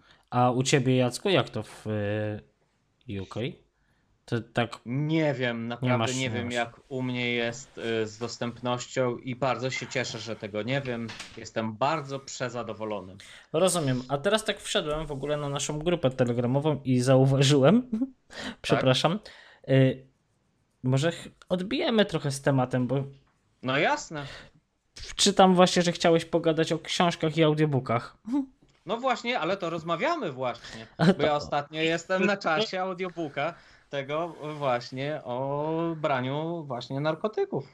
Więc rozmawiamy, można powiedzieć. Czy, czy nie... Dragi i wojna, Dragi i wojna to też jest książka, którą przeczytałem, A, og... więc okej. można powiedzieć, że jesteśmy jako tako w temacie. Dobra, czyli, czyli, nie, czyli nie muszę tematu zmieniać. A powiedzcie, oglądaliście film, y, nie film, y, serial, y, to jest chyba Netflixowy o Escobarze Narcos i ten drugi y, El Chapo? Ja, Ja nie oglądałem. Mm, Ja- a, Ares? tylko. Pierwszy sezon tylko, bo później to już nudne się zrobiło już. Ile można oglądać, jak, jak chowają pieniądze, kurde, w ścianach, no bez przesady. No, ale Tak. to Zrobiło. wiesz co, w przypadku Narcosa to nie takie chowanie pieniędzy w ścianach. Zresztą w przypadku El Chapo też ciekawie. Ja tam polecam ogólnie jako osoba, która nark- narkotyków, jak to się często mówi, yy, albo mówiło jeszcze tam w moim rodzinnym Tarnowie, yy, nie brała, to yy, lubię sobie pooglądać takie. z- z- Ja, ja, ja strasznie lubię te psychicz, tych, tych psycholi, którzy, którzy grają takiego właśnie El Chapo, czy właśnie. em, czy właśnie innych tam dealerów, bo to są często ludzie tak totalnie bezwzględni i, i jadący już na jakichś zupełnych skrajnościach. Często są to ludzie też jakoś, yy, którzy się wybili dzięki tym narkotyków, narkotyków, z narkotykom z jakiejś turbobiedy i przy okazji no nie mają skrupułów, bywają uzależnieni, nie mają skrupułów i po trupach do celu i to jest takie no wiadomo, że to nie, to nie jest wszystko na faktach, ale Fajnie się ogląda. Przy okazji Ale muzyka. czemu? Escobar to chyba na faktach. Tak, Escobar El Chapo też jest na faktach. Zresztą El Chapo sobie żyje do dzisiaj, także El Chapo to jest taki y, amerykański, znaczy, przepraszam, meksykański odpowiednik y, Escobara, tylko taki plus 2 miliony do brutalności. No ale to musi być, wiesz, chodzi o to, że ten biznes jest brutalny i tam Mhm. są ogromne pieniądze. Myślę, że to ogromna chciwość. Plus to, że ludzie, którzy są naprawdę uzależnieni, oni są jak takie zwierzęta. To jest takie stado. Jak ten Robert w tej książce, widzisz, książka, Mhm. y, opowiada o tym, jak pojawiała się działka, to oni szli jak owce za baranem. To normalnie była walka o ogień. Tam po prostu on właśnie nie, nie szukał y, dealer, szukał ludzi, tylko ludzie szukali na dealera, potrafili pół dnia siedzieć w jednym miejscu, czekać, czekać na informacje, bo oni byli tak złaknieni. To był taki właśnie lęk przed głodem, no bo nagle pojawiają ci się, bo jak nagle zacznie ci się głód, to pojawiają ci się takie właśnie objawy, o których rozmawialiście, o tej właśnie ciężkiej grypie. No nikt nie chce tak się czuć. Mo- No, mo- nikt nie chce się tak Może czuć. no to, to, to, to jest przewalone. No i później, później niszczysz po prostu, niszczysz siebie i niszczysz dookoła wszystkich, no bo zaczynasz okradać dom, zaczynasz wszystko wynosić, zaczynasz okradać ludzi, yy, no robić wszystko, żeby zdobyć na działkę, bo życie bez działki to nie jest życie, to jest wię, wię, wie, wielka męczarnia. Więc no Mhm. niestety ci ludzie w takim stanie są i oni są gotowi na wszystko, Aresie? naprawdę wszystko. No bo jeszcze jedna rzecz, musisz pamiętać, musicie pamiętać jedną rzecz, że biznes sprzedawania narkotyków to jest jedna wielka, ogromna korporacja. W tym przypadku na każdym poziomie, od, od pełnego hurtu do detalu, od wytwórcy przez przemyt do, do klienta docelowego, na każdym poziomie każdy zarabia, każdy pośrednik. Zarabia Mhm. ten, kto produkuje, ten, kto od niego kupuje, ten, kto przemyca, ten, kto z kilograma sprzedaje na tam, na tam 20-gramowe paczki, ten, kto z Okej. tych 20-gramowych paczek sprzedaje na dwugramowe, ten, który na końcu sprzedaje to na działki i wszyscy po kolei zarabiają. To Ty, jest cały wielki biznes. To ja wiem skąd się wziął multilevel marketing. No, w sumie, w sumie. prawdziwy, nie? W sumie dobre, dobre porównanie. Multilevel marketing, dokładnie. Aj, ale, ale wiecie co, ja się Tak jak mówiłem, nie? Na przykład mówię że o tym, o tym halwejcie, no to on kosztuje tam 60 euro, ale możesz zrobić z niego około 10 działek i Mhm. sprzedać to za 150 euro. To, a co grozi, jak cię w Irlandii złapią z towarem? I ile możesz posiedzieć, że tak powiem, i A opo- tutaj to nisko. Tutaj nawet się w większości przypadków nie bawią, tylko na, często nawet dealerom po prostu biorą towar i wypuszczają. Co? Bo to bardziej zaboli strata towaru i, i jednym czasem brali i towar i pieniądze, nie? I po prostu wypuszczali, bo jakby nie to, to musieliby oddać pieniądze, Mhm. A tak brali towar i pieniądze, żeby to bardziej dealera zabolało. No tak, ale wtedy taki dealer, musząc spłacić kogoś wyżej, będzie bardziej brutalny i może skroić kogoś na dzielni, żeby odzyskać hajs. Nie no, to wtedy to jest in... Nie no, nie można się mieszać w inne przestępstwa. Jak już się dealuje, to trzeba się trzymać dealowania, bo, bo wtedy przez, przez wejście w inne przestępstwo ryzykuje głównym interesem. No, no ty jak masz sklep, prowadzisz sklep, nie pójdziesz nagle na jeden dzień pracować do biura, bo ci brakuje pieniędzy, nie?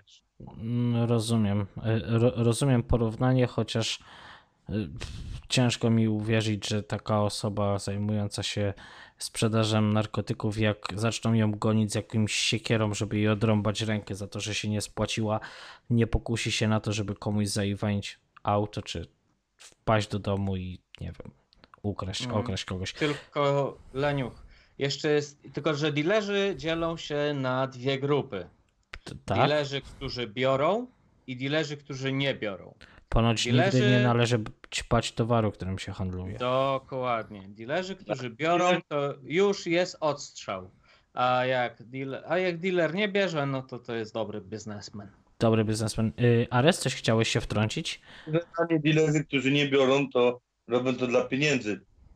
To oni zazwyczaj są przygotowani na to, żeby, żeby stracić tę część zarobku, że przygotowani są na to, że ten towar, który mają, mogą stracić, albo mają znajomych, którzy mogą im pożyczyć w razie czego, żeby się odkuć. A Okej. ci, którzy, a ci znowu, którzy nie robią tego dla pieniędzy, tylko po prostu, żeby za darmo ćpać, to oni się nie zapożyczają, tylko oni po prostu, oni po prostu robią to za swoje pieniądze, żeby za darmo ćpać. Pół towaru kupią większą ilość, pół towaru sprzedadzą, pół wyćpają, mają na następny.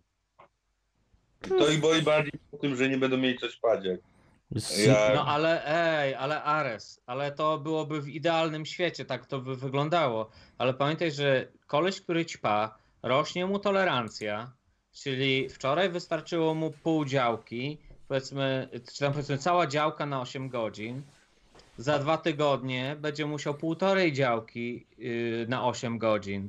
Więc rośnie mu tolerancję i on bierze i bierze i bierze. I już nie będzie, że on Y- połowę weźmie, sprzeda, a połowę coś tam, tylko już trzy czwarte przećpa, a jedną czwartą sprzeda i już nie będzie go stać na to, na spłacenie tych dwóch czwart, przepraszam, trzech czwartych. Więc to nie Ja jest tak. To jest, E- to jest droga na dno, to jest staczanie się Mm, totalnie w śmierć. Mogę coś poprosić, Ares? Proszę cię, czekaj aż Jacek skończy tam. Bo, Dobra, dobra. no, teraz Ares, dajesz ty. Nie no, ty, to ty mówisz Jacek o, o realiach polskich czy ciężkich realiach. A ja mówię o realiach irlandzkich, gdzie no nawet jak ci czwarte przećpa, to i tak mu wystarczy, że sprzeda resztę na na kolejne działki. To, to jest inna sprawa, nie? No i też ludzie przy takich małych ilościach towarowych, gdzie to jest dużo łatwiej załatwić, czy pożyczyć od kogoś, żeby, żeby przetrwać, to jest dużo, e, jest dużo niższy, jak się mówi, dużo niższa zachęta do tego, żeby e, przesadzać i iść w stronę, w stronę przestępstw, e, przestępstw e, takich kurde, które, które są brutalne, nie? Bo za to to można dostać wyroki, więc z tych się ludzie pilnują. Właśnie się chciałem ciebie zapytać, czy żyjąc w Dublinie, ile ty mogę, mo, możesz przypomnieć, ile ty już lat w Dublinie żyjesz? A ja jestem w Babilandii ile? 7-8 lat. W centrum Dublina jestem około 5. Okej, czy słyszałeś albo nie wiem, doszły do ciebie informacje o takim czymś, że kogoś może kogo znałeś, albo ktoś się tam obił na radarze, jak to się mówi, o uszy, gdzieś, że tak powiem, pożegnał się ze światem wskutek tego, że pożyczył, jak to mówi, że można pożyczyć sobie, żeby przetrwać. Pożyczył, nie spłacił albo nie oddał? Ciekawi mnie po prostu, jak to realnie wygląda. Mm, generalnie nie kojarzę, bo to, bo to są na tyle małe kwoty, a, a te socjale wszystko na tyle człowieka ratują, że, że zazwyczaj za- i zazwyczaj nikt, nikt już nie pożycza większych kwot. Także no, miałem jednego kumpla, który, który co prawda się zadłużył na chyba trzy koła, ale spłacił.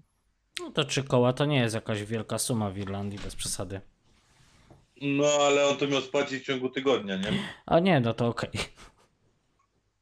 No ale, ale, ale spłacił się, także generalnie widziałem, że Irlandczycy są bardziej ostrzy, bo tam czasem się zdarza, że kogoś, że kogoś potną za coś, ale to raczej głównie jest za jakieś, za jakieś bardziej poważne sprawy, jak, jak kasa, nie jakiś, jakaś honorowa sprawa, albo, albo ktoś kogoś wsypał, albo coś takiego. Głównie za to zazwyczaj idą, idą takie przestępstwa bardziej brutalne, nie? Mówisz potną, czyli? A, bo nie mówiłem, bo w Dublinie Irlandczycy mają taką manierę, maniera jak się właśnie coś, coś ktoś, e, coś ktoś nabruzi porządnie, nie? Tak jak mówię, to Mhm. trzeba już, to trzeba komuś bardzo zejść ze skórę, nie? Czyli tam, powiedzmy być, sprzedać tam kilka osób i przez to wylądowały w więzieniu albo coś takiego, nie? Mhm.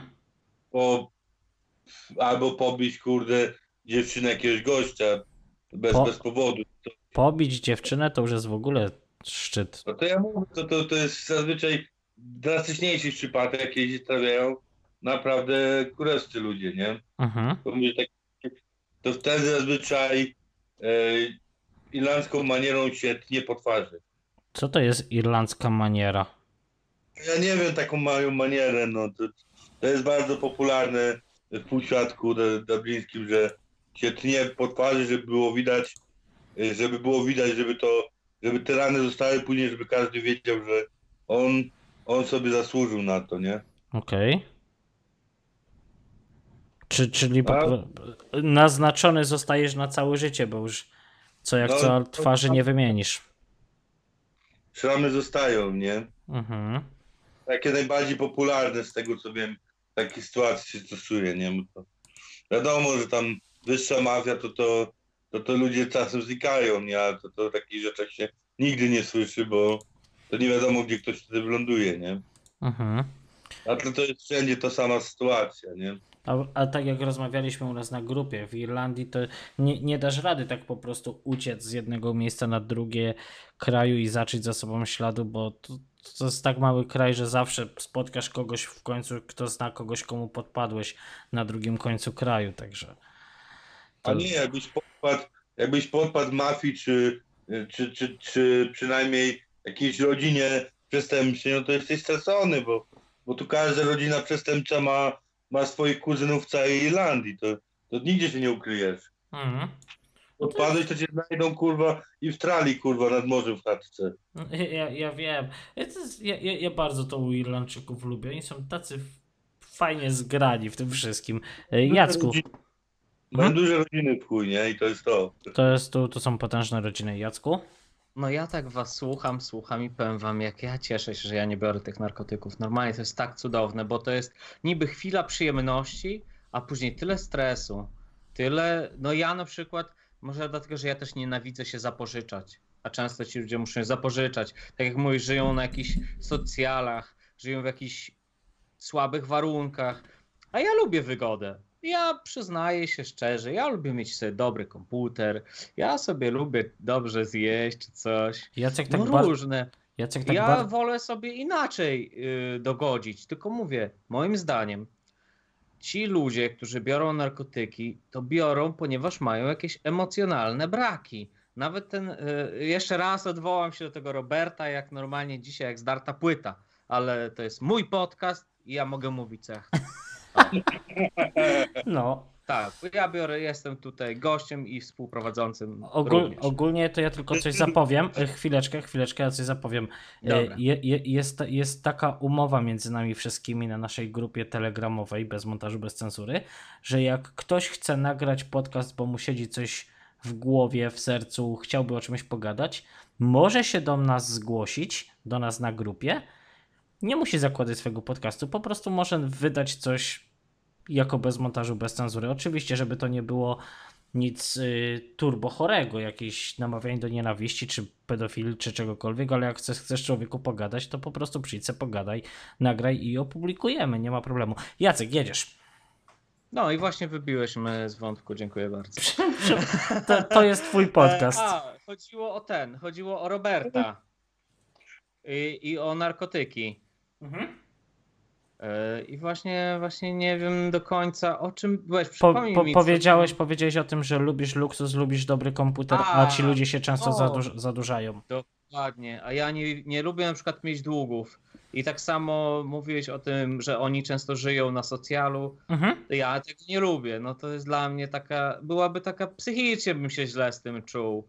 Więc mówię, ta chwila, yy, chwila, nie wiem już o co chodziło z tym Robertem. Dobra, Chodzi ci sorry. o to chyba, że chwil, chwila, chwila y, Przyjemności, tej, tej nie przyjemności nie, nie jest tego warte. Nie jest tego warte, żeby później, yy, bo tak, okej, jesteś sobie zdrowym człowiekiem, oczywiście nie ma zdrowych ludzi, tylko są niezdiagnozowani, Mhm. e, to ja bym wolał e, wydać pieniądze na psychoterapię, ponaprawiać sobie w główce o co mi chodzi i później dobrze żyć, niż jakby się udało, bo z heroiny wychodzi z tego, co statystyki mówią, od 1 do 3% ludzi, reszta ląduje w ziemi bardzo szybko. To bardzo duży procent. Tak, tak, dokładnie. 1, 3, 3, 1 do 3% wychodzi z heroiny. Więc ja wolę I później jest ciężka praca, jeszcze cięższa praca nad sobą. Bo jak jesteś, że tak powiem, relatywnie zdrowy, no masz tam problemy, tak, w rodzinie cię nie kochali, czy jakieś inne głupoty. Okej. Nie wiem, dziewczyna cię rzuciła, byłeś w toksycznym związku, bla, bla, bla, różne rzeczy. No. I lepiej wydać te pieniądze naprawdę na terapię i uczyć się, jak to być szczęśliwym człowiekiem samym ze sobą i tak dalej, żebyś Mhm. był niezależny od żadnych tam y, narkotyków, narkołyków, czy narkomyków, czy jak to, to tam mówi. Mhm. Więc lepiej to zrobić dla siebie, pracować nad sobą, bo później masz satysfakcję. Myślisz, jestem fajny, ciężko nad sobą pracowałem, proszę bardzo, są efekty, czuję się szczęśliwy, mogę pomagać innym. A taki narkoman, jeżeli już wychodzi, wyjdzie, męczy się strasznie, naprawdę jest to ogromny ból fizyczny i psychiczny, i że do tego stanu dojść, co osoba, która wcześniej nie brała, potrzebuje 10 razy dłużej siedzieć w różnych terapiach y, z szansą, że w każdej chwili może się złamać i cokolwiek, tak jak mówił ten Robert, cokolwiek możecie przyciągnąć z powrotem do narkotyku, nawet ubranie, w którym brałeś ten. Więc jak wrzucasz narkotyki, to musisz nie dość, że wypieprzyć wszystkie ubrania, w których brałeś narkotyki, bo każdy Mhm. ci przypomina. Nie możesz chodzić na imprezy danych zespołów, na których brałeś narkotyki, bo to też ci przypomina. Mhm. Y, Najlepiej, żeś w ogóle zmienił mieszkanie, bo meble mogą ci przypominać, Czyli- nagrzejniki albo tapety. Tak, to jest ekstremum. Wtedy musisz zrezygnować z tego, co wszystkiego, co było i zacząć życie od nowa. Bo inaczej Masakra. cokolwiek. Tak, dokładnie, masakra, masakra. To jest jakiś dramat, co ty To jest, opowiadasz. tak, to jest, ale widzisz, i tylko jeden na trzech, no, jeden do 3% wyjdzie z tego, ale muszą mieć dobre warunki, naprawdę. I to Mhm. Y- jest to, że tu chodzi nie o to, żeby zejść z narkotyku, tylko żeby się przestać oszukiwać. O- Bo to to jest najważniejsze, bo jeżeli zejdziesz z heroiny, ale się nie przestaniesz oszukiwać, to wejdziesz w alkohol. A jak nie alkohol, to kokaina. Jak nie kokaina, to jeszcze coś innego. O nie, zerwałem już z heroiną, nie? Ale sobie przy, przyśpiewam trawkę. Czy coś tam, czy później, e, no, zszedłem z narkotyków, ale piję codziennie trzy piwa. Więc można zmieniać, że tak powiem, stan głowy się nie zmienia, zmieniają się używki. Rozumiem, to nawet fajnie opisałeś. Yy, Bo tak. Umiem czytać ze zrozumieniem, dziękuję bardzo. Yy, tak. Yy, I analizować to. bardzo fajnie. Chciałem się zapytać yy, tutaj naszego Aresa. Ares, ty tu jesteś z nami jeszcze? Jestem, jestem. Powiedz mi, nasz co, ekspert. co, co najdziwniejszego, że tak powiem, z jakim towarem najdziwniejszym miałeś do czynienia, po czym chciałbyś opowiedzieć jakiejś jednej turbo pozytywnej, a drugiej turbo negatywnej fazie, jaką ci coś dało? Tak z ciekawości pytam. Chyba, że nie chcesz, chyba, że jest to zbyt prywatne. To, Nie, no to... zaraz, zaraz go wymyślić, tylko jeszcze się odniosę od razu do Jacka, bo cała przemowa dobra. Dodałbym, że to się nie odnosi do narkotyków, tylko do wszystkich uzależnień. Czy narkotyki, czy alkohol, czy papierosy, gambling. E, co, co tam jeszcze jest? E, Seksoholizm. cokolwiek, jakkolwiek, jakiekolwiek uzależnienie nie dasz, to się to pasuje do wszystkiego, nie? To Z drugiej, z drugiej strony, jak tak sobie myślę o tym, no to w zasadzie od wszystkiego się możemy uzależnić. Od jedzenia, od, se od seksu, to chyba przed chwilą wymienił Jacek, od, Tak. o, od picia, od hazardu, no ale Tu też jest ta, ta znam takich ludzi, co... no to zaraz o tym, zaraz o tym pogadamy. Yy, ale dawaj, najlepszy trip jaki miałeś i po czym i najgorszy trip jaki miałeś i po czym opowiadaj ze szczegółami. No, najlepszy, najlepszy, kurde, co najlepszego? Nie wiem, ciężko, ciężko by mi byłoby mieć jakiś ten, bo to zazwyczaj zazwyczaj się bierze, to, bierze się towar po to, żeby się dobrze czuć, to raczej się, raczej się, prędzej się pamięta najgorsze tripy jak najlepsze, nie? Okej, a jaki miałeś najgorszy trip? A najgorszy trip to miałem e, kurde po, po czeskim piko, czyli metamfetaminie. Okej. Ja to zazwyczaj paliłem tylko że był towar, którego ponoć się nie dało palić można było tylko wciągać nosem. No jak mówię, tam palenie jednak ja uważam zawsze było najbardziej bezpieczne, bo tam szczykując czy wciągając nosem można się, można, można za dużo tego wziąć, nie? I, i ten, a paląc się nie da, bo po prostu w pewnym momencie już po prostu nie jesteś w stanie wciągać tych, tych wyziewów i ja wyżygasz albo coś, już nie jesteś w stanie po prostu przejść tej bariery, nie? Mhm. No i był, był towar. Historia się rozgrywała ze 4 lata temu. 4 lata temu? 4 lata temu będzie. Mamy rok 2020, żeby ci ułatwić kalkulację. Był, była to, był, był to, kurde, była to Wigilia. O proszę, świętowałeś. W tym czasie byłem akurat bezdomny, ale na Wigilię miałem znajomych, do których wpadałem na Wigilię, którym się udało chatę załatwić wcześniej, bo byli we dwoje, to było łatwiej wynająć, ale też ich poznałem jak, jak przyjechali tutaj i poznałem ich w parku, też jak bezdomni byli. Mhm.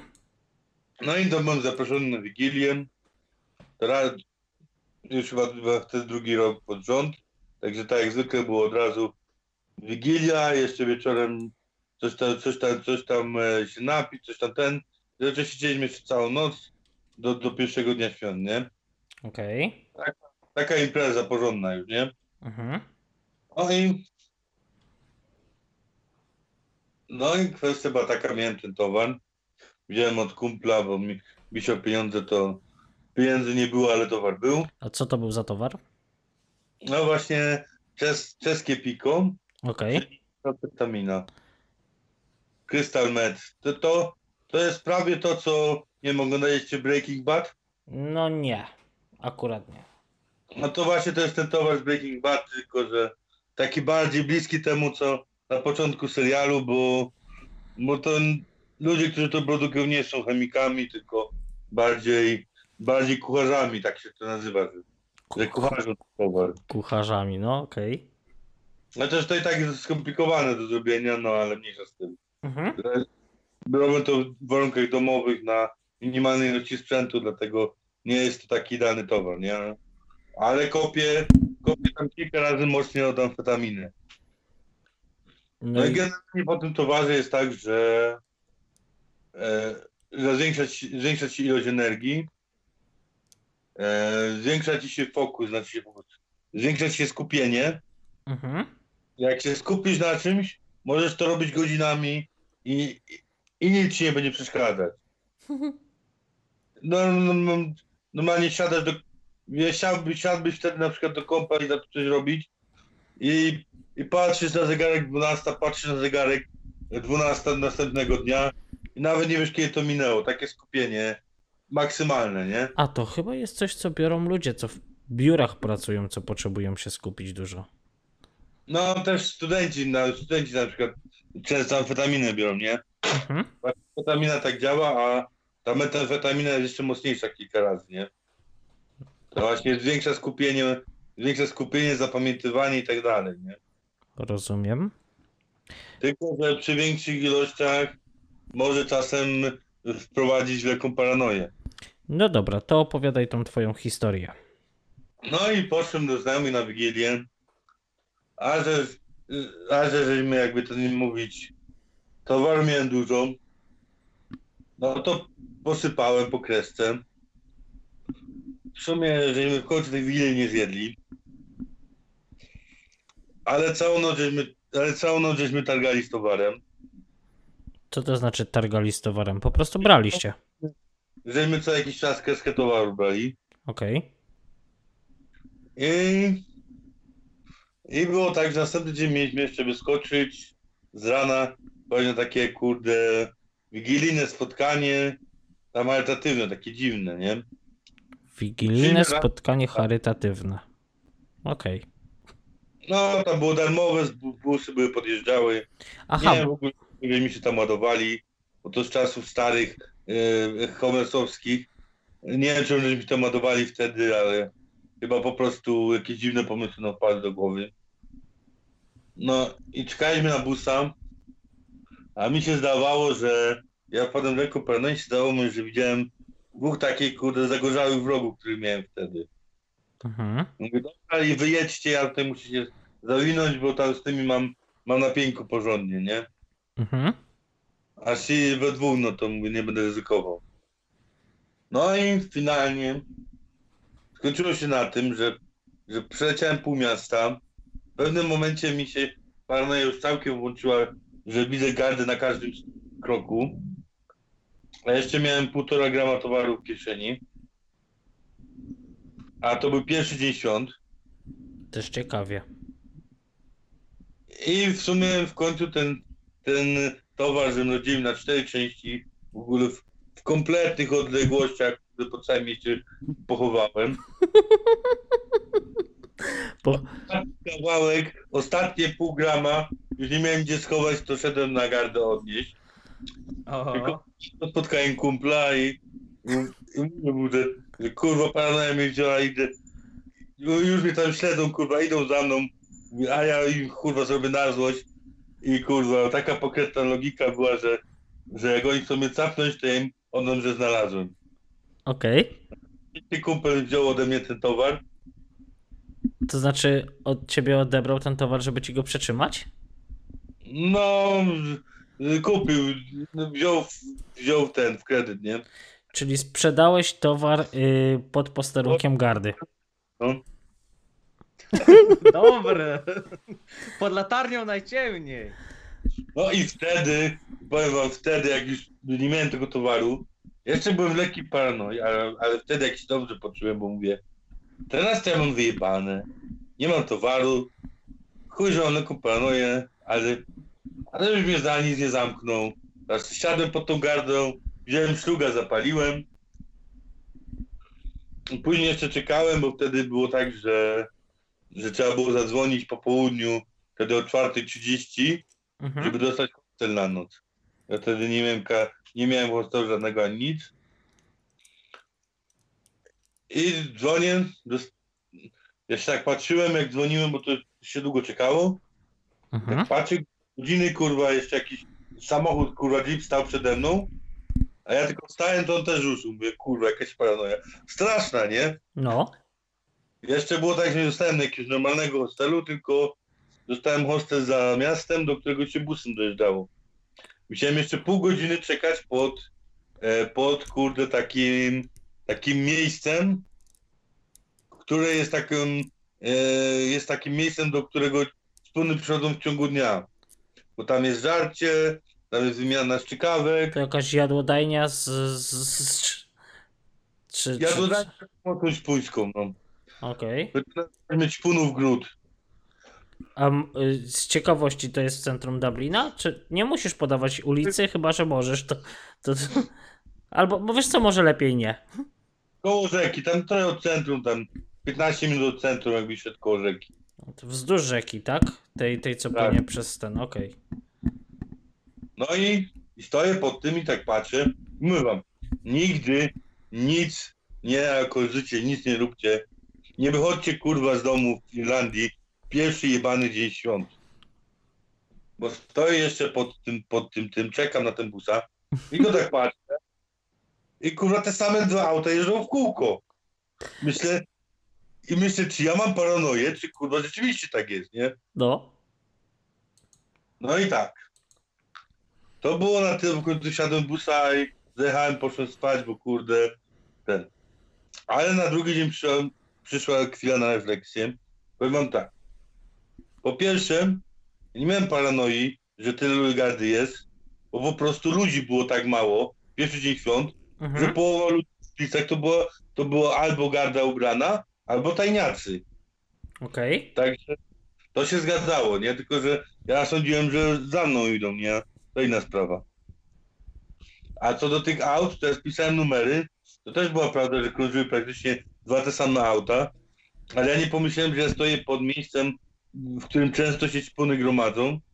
E, także no to nie, nie, nie dziwnego, że mieli to na oku, nie? No w sumie racja.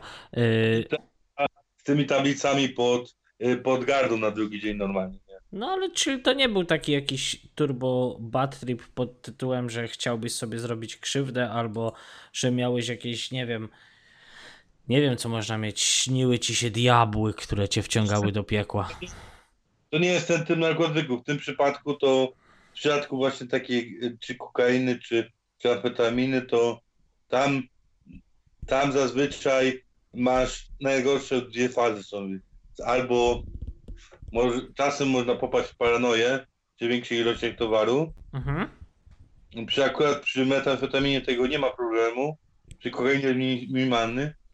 Ale przy amfetaminie często jest takie zejście straszne, że jak się skończy towar i zejdzie z ciebie, to, to ludzie mają kaca moralnego i w ogóle deplechę, że kurwa, i co ja kurwa znowu zrobiłem, po chuja mnie to było i e, tak, tak tego typu, nie?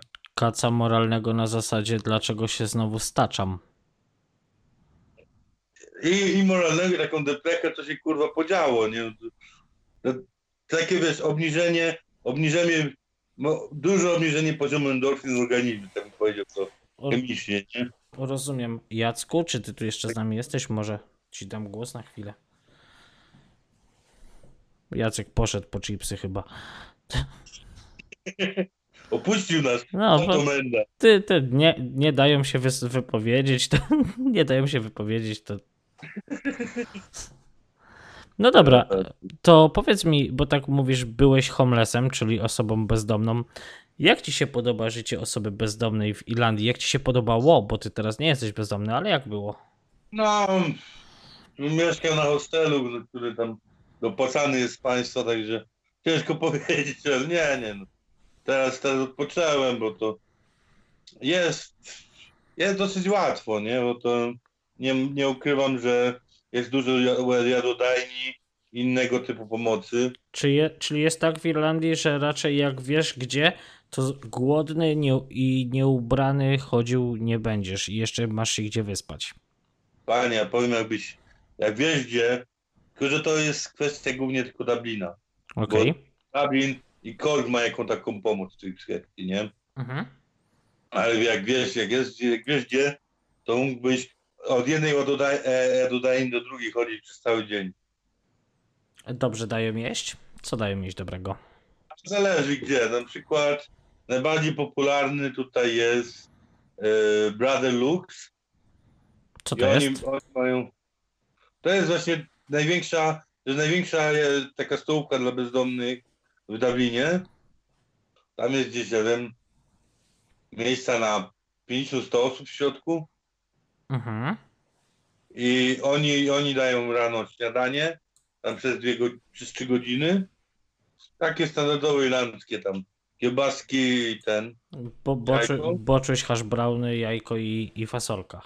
i Jajko, to nie, nie przesadzajmy, aż tak bogato nie ma, nie? Hm, Okej.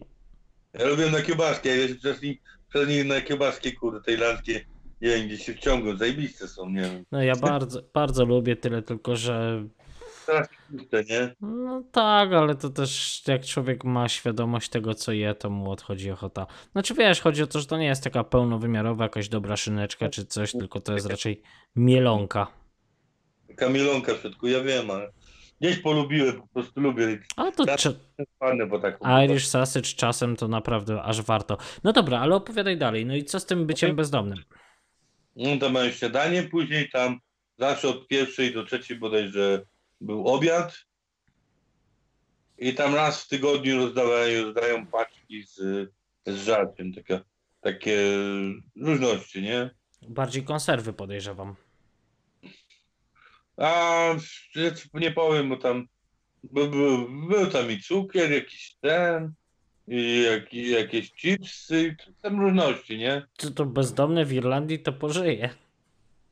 No nie, no nie, no to, to, to jest największa stołówka, nie? Mhm.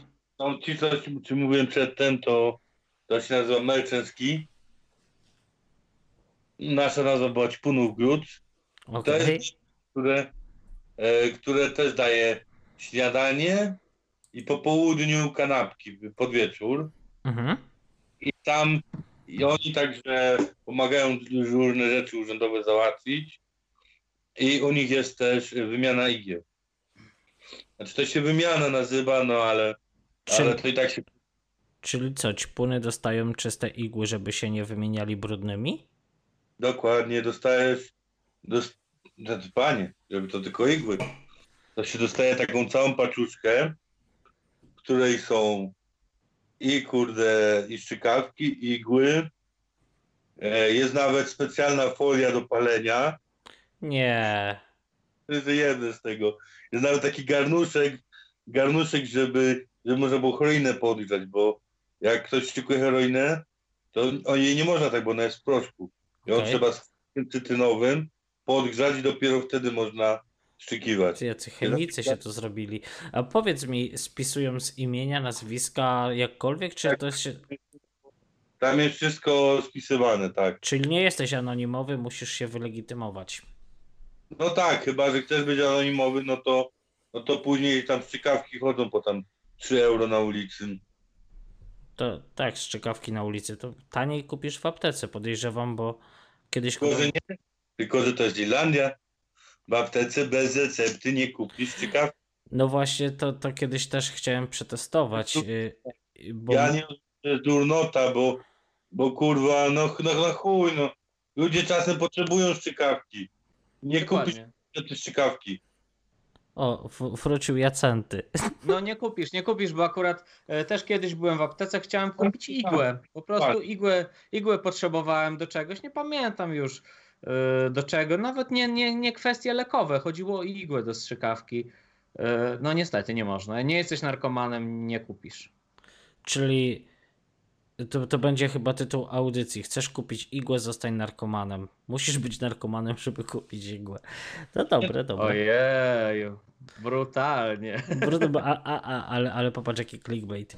No dobra, No a, gdzie, nie wiem gdzieś ty poszedł, ale tutaj nam y, Ares opowiada właśnie i- jak Ale to ja jest. cały czas jestem. Ja jestem zmutowany, mój drogi. No to się pytałem, czy Żeby- chcesz coś dodać. Żeby, żeby nie oddychać tam w, te, w, te, w ten mikrofon. Oj tam, oj tam. Oj tam, oj tam. No, My nie jesteśmy ja profesjonalni. katar. Ja No- mam katar alergiczny, mój drogi. No, Rozumiem cię. Dobra, No y, i bez. Widzisz, ja nie mógłbym nawet ćpać, nie mógłbym nawet wdychać przez nos. bo wszystko by się ja do Kataru. Czas, ja mam cały czas e, nos zatkany, więc sorry. Ja i tak, y, jak czasami gło- głośniej oddycham, to ludzie się pytają, czy ja nie jestem, nie, nie ćpię, bo ja takie. Do, dobra, dobra. Już. czy ja coś do nosa nie biorę. A to, to, to widzisz, to, to masz przekichane. Ale dobra, dajmy Aresowi. Dosłownie. Jedziesz Ares dalej, bo mnie zaintrygowałeś tym byciem bezdomnym tutaj. Czyli bezdomny w Irlandii ma dobrze, bo chodzi pojedzony, ubrany. Jak ćpa, to dają mu jeszcze sprzęt do tego, żeby sobie mógł ćpać y, bezpiecznie. I co dalej? No z tego co mówiłem, to akurat w tych dwóch miejscach można jeszcze wziąć e, z rana prysznic. Czasem ciuchy się uda u nich wyrwać. Są też inne miejsca, gdzie, można, gdzie tam raz w tygodniu czy dwa razy w tygodniu są jakieś ciuchy z charity czy coś takiego. Um, no i Cho- chodzi nie ci- wiem, jeszcze kilka nie? Chodzi ci o te, o, o te ym, jak to się nazywa, Y, te takie punkty ala sklepy, co tam właśnie są te charity shopy, tam na tej zasadzie, że ludzie oddają swoje rzeczy, których nie używają. są też po prostu takie miejsca, gdzie, gdzie na przykład raz w tygodniu e, przychodzą tam z kilkoma reklamkami ciuchów i, i rozdają ludziom, nie? Albo, albo coś takiego. No to ciekawe. No dobra, a powiedz mi, jak wygląda noc na takim, w takim schronisku dla ćpunów? Bo podejrzewam tam niektórym schodzi bania, czy coś takiego, jak to się nazywa? Y, Powiedz mi, co, to jest? Jak im to schodzi, to pewnie chodzą tam, budzą się, drą się, czy, czy nie? Czy wszyscy śpią potulnie? Tak tragizmu. No to teraz mówię rano, po południu jedzenie, nie no. Mhm. Jak Irlandia, no to kurde, często trzeba się chować deszczem. Czyli- Jeszcze tam Nie możesz tam zostać na cały dzień.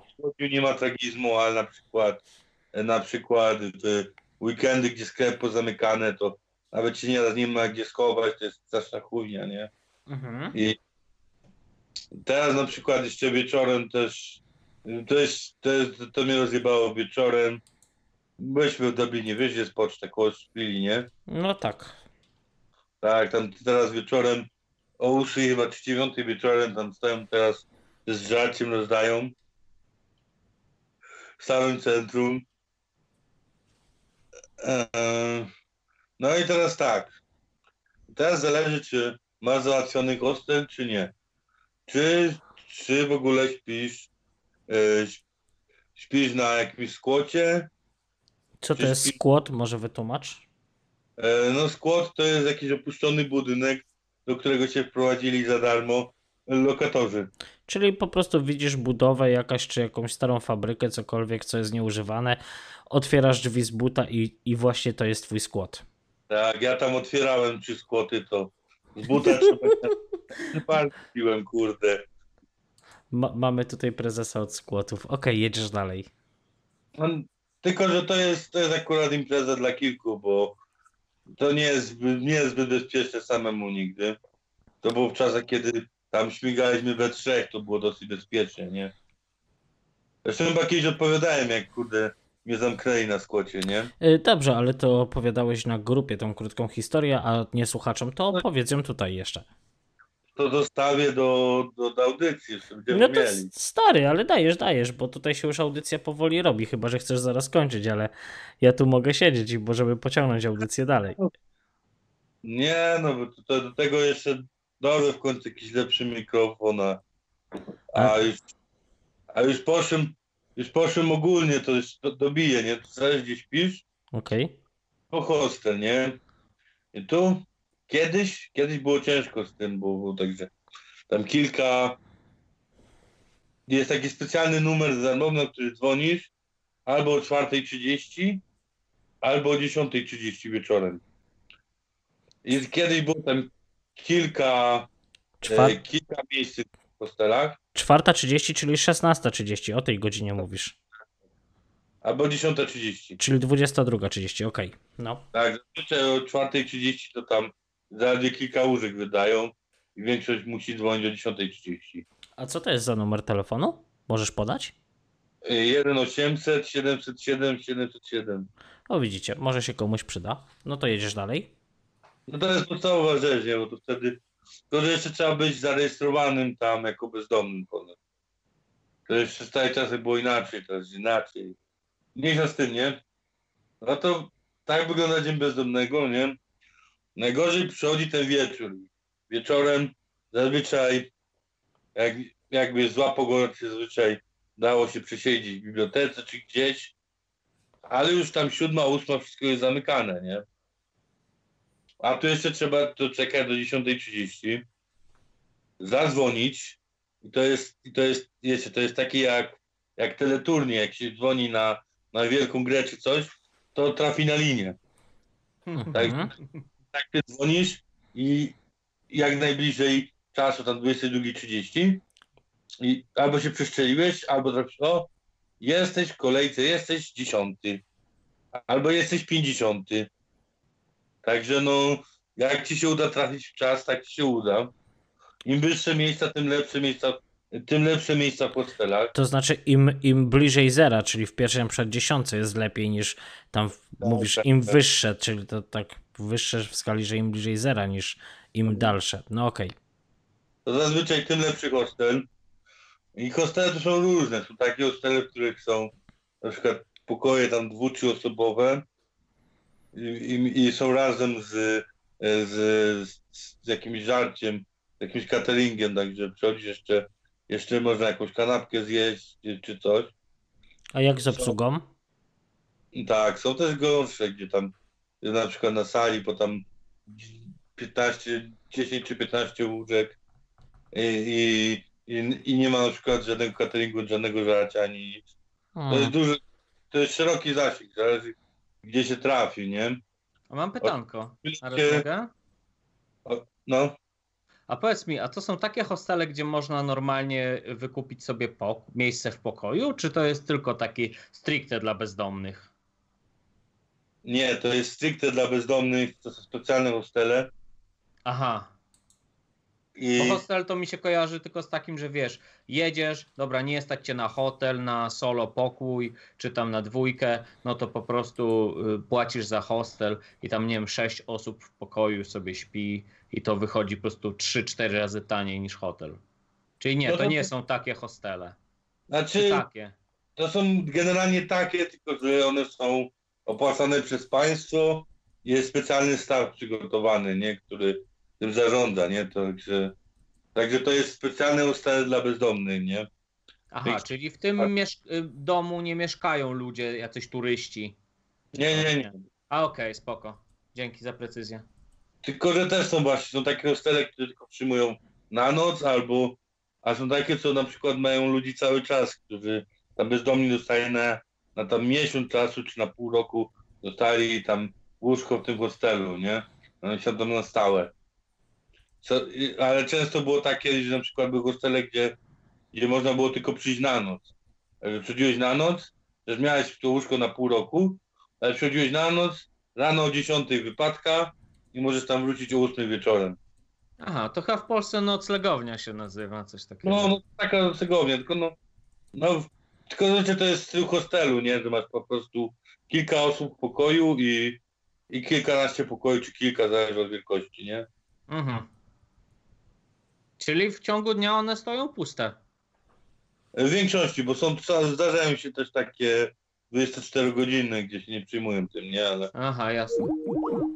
I powiedz, nie ma tam jakiejś takiej kiły, takiej syfu, czy coś? No przecież te osoby, no ej, kiedy schodzą z tego tripa, czy tam są po prostu po całym dniu brudne, czy w ogóle raczej chyba nie grzeszą jakąś moralnością, czy wiesz, przyjaźnią, tylko chyba są takimi raczej osobami niezbyt przyjemnymi. nie, nie, powiem ci szczerze, że większość, Czekaj, Leniu, weź Ja- tam dołącz. Ja tutaj właśnie patrzę, co się dzieje. Kontynuujcie sobie, bo ja tutaj muszę, muszę trochę poogarniać. Dobra, no ja słucham cię, Ares.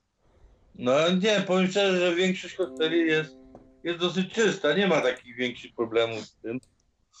Zresztą większość, y, większość ludzi, którzy, którzy przyjdą na takie hostele, gdzie, gdzie codziennie musisz dzwonić, to są w większości ludzi, którzy są stosunkowo jeszcze ogarnięci i, i, i jeszcze jako tako o siebie dbają, bo to, bo to powiem tak, to nie jest sztuka.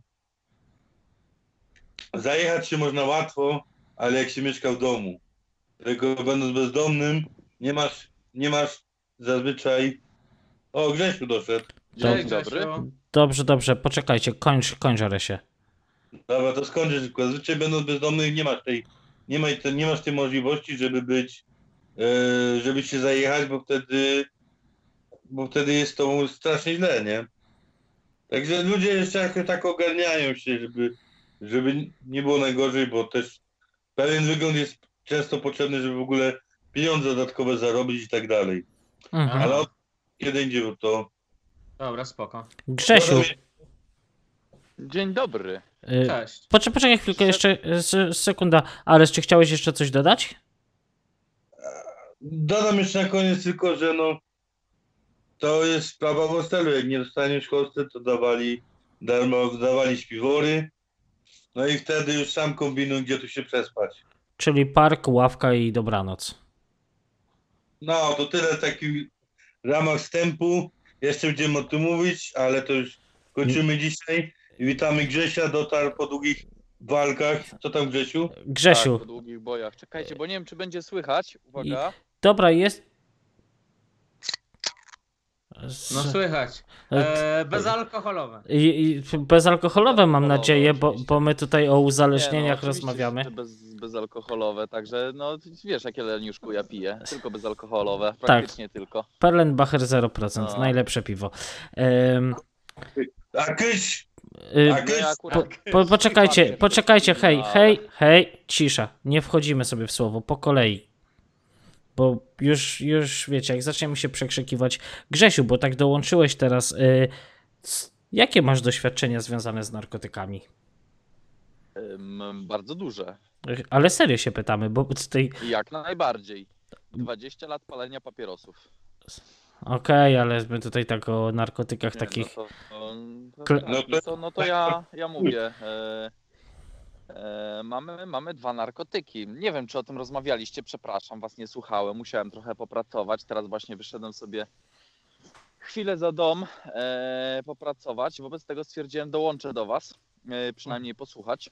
Mhm. Ale skoro pytasz, no to mówię, papierosy. I uważam, że to jest jeden z gorszych narkotyków, aczkolwiek jest jeszcze jeden gorszy, alkohol.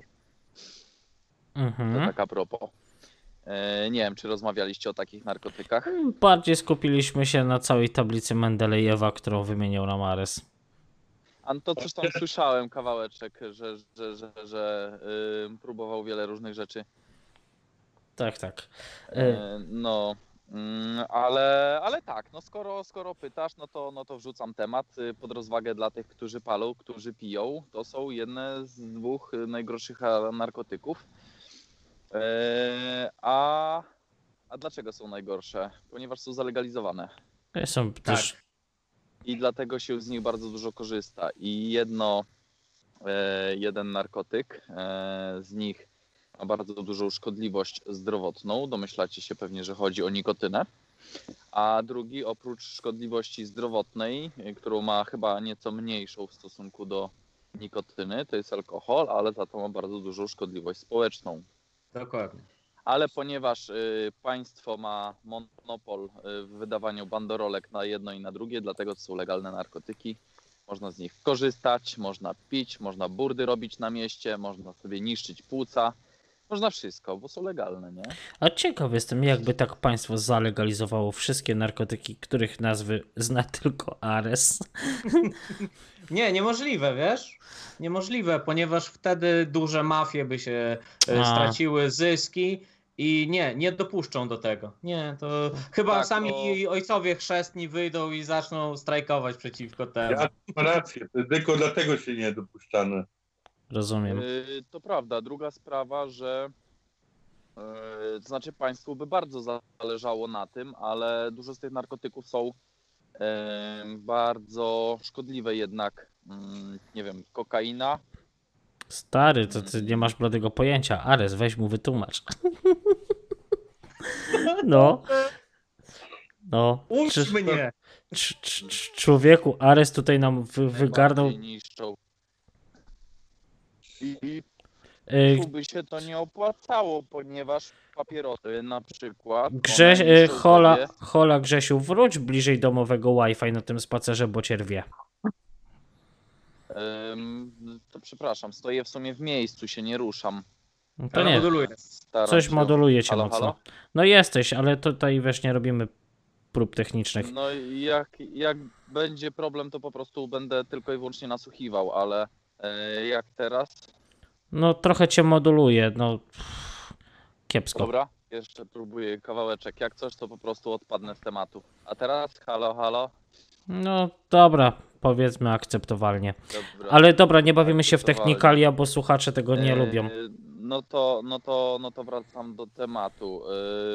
Papierosy zabijają po ilu? Po 15, 20, 30 latach. Wobec tego państwo może sobie na to pozwolić. Nie? W końcu płacimy jeszcze przez 30 lat podatki. E, I to nie tylko te zwykłe z pracą, ale te podatki też związane właśnie typowo z tym narkotykiem.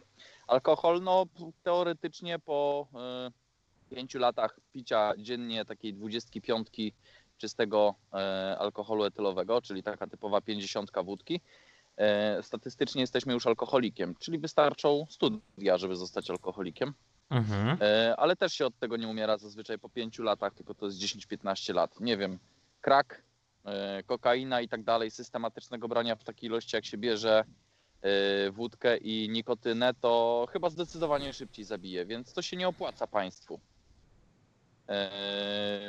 Prawdopodobnie marihuana jeszcze zostanie zalegalizowana właśnie ze względu na e, ze względu na możliwe koszty dla, znaczy wpływy do budżetu państwa, e, ponieważ sama w sobie też ma bardzo niską e, śmiertelność jako, jako taki narkotyk, który no, chodzi o samo zabijanie, nie? Mhm. Tym bardziej, że ma też dosyć niską szkodliwość społeczną. Wobec tego jest to pierwszy narkotyk, który może zostać zalegalizowany w najbliższym czasie. No ale to już kwestia jest tego, jakie mają ludzie podejście. Oczywiście papierosy i wódka to nie są narkotyki. Narkotyki to jest właśnie mary- marihuanen, który się wstrzykuje bezpośrednio w żyłę. Wobec tego jest złe. U nas oczywiście dużo do powiedzenia ma jeszcze mm, Kościół plus, plus dużo, dużo takich różnych grup społecznych, które myślą, że marihuana jest gorsza niż, niż kokaina, bo oni kokainę, marihuanę, haszysz i tak dalej ładują wszystkie w ten sam, w ten sam, e, w to samo pudełeczko, jeżeli chodzi o kategorie i, i z, tym, z, tym, z tym nic nie zrobi, dlatego marihuana prawdopodobnie jeszcze będzie musiała poczekać, nie? Mhm. E, no a jeśli o moje do, doświadczenia chodzi, no to mogę tak powiedzieć, że miałem okazję parę razy e, palić trawę, czyli marihuanę. Okej. E, I nie wiem, nie kopnęło mnie to jakoś ani pozytywnie, ani negatywnie. Miałem troszeczkę takich negatywnych fizycznych skutków, jak na przykład e, swego czasu takie jakieś duszności czy coś, ale podejrzewam, że po prostu kiepskiej jakości to towar był. No ale miałem okazję tego popróbować akurat, nie wiem, w Holandii, może po prostu na jakiegoś gównianego dostawcę trafiliśmy. Dwa czy trzy razy zapaliłem w życiu i nie miałem konieczności tego powtarzać. Pytanie, a czy... Aczkolwiek, No. No. To kończ. aczkolwiek tak jeszcze w takim razie skończę. Y, Jeżeli marihuana zostanie zalegalizowana, to z przyjemnością sobie zasadzę swojego krzaczka i będę swoje palił. I wtedy bardzo chętnie sobie zapalę swojego czyściuteńkiego krzaczka, nawożonego tylko i wyłącznie moją miłością. Rozumiem. A powiedz mi, powiedz mi, czy znasz kogoś, Dobre. czy znasz kogoś, kto, bo wie, wiecie, jakie jest takie y, przeświadczenie, że od marihuany to się zaczyna, a później to już walisz takie twardzioszki, że hej, czy znasz kogoś, y, Grzesiu, kto zaczął od marihuany, a skończył na, nie wiem, dawaniu sobie w żyłę, a później wtykaniu czopków w tyłek, bo o takim, takiej technice No, też pewnie. słyszeliśmy. Pewnie, wszyscy, co do jednego. Nie, no serio, serio się pytałam. w życiu, ani jedna osoba.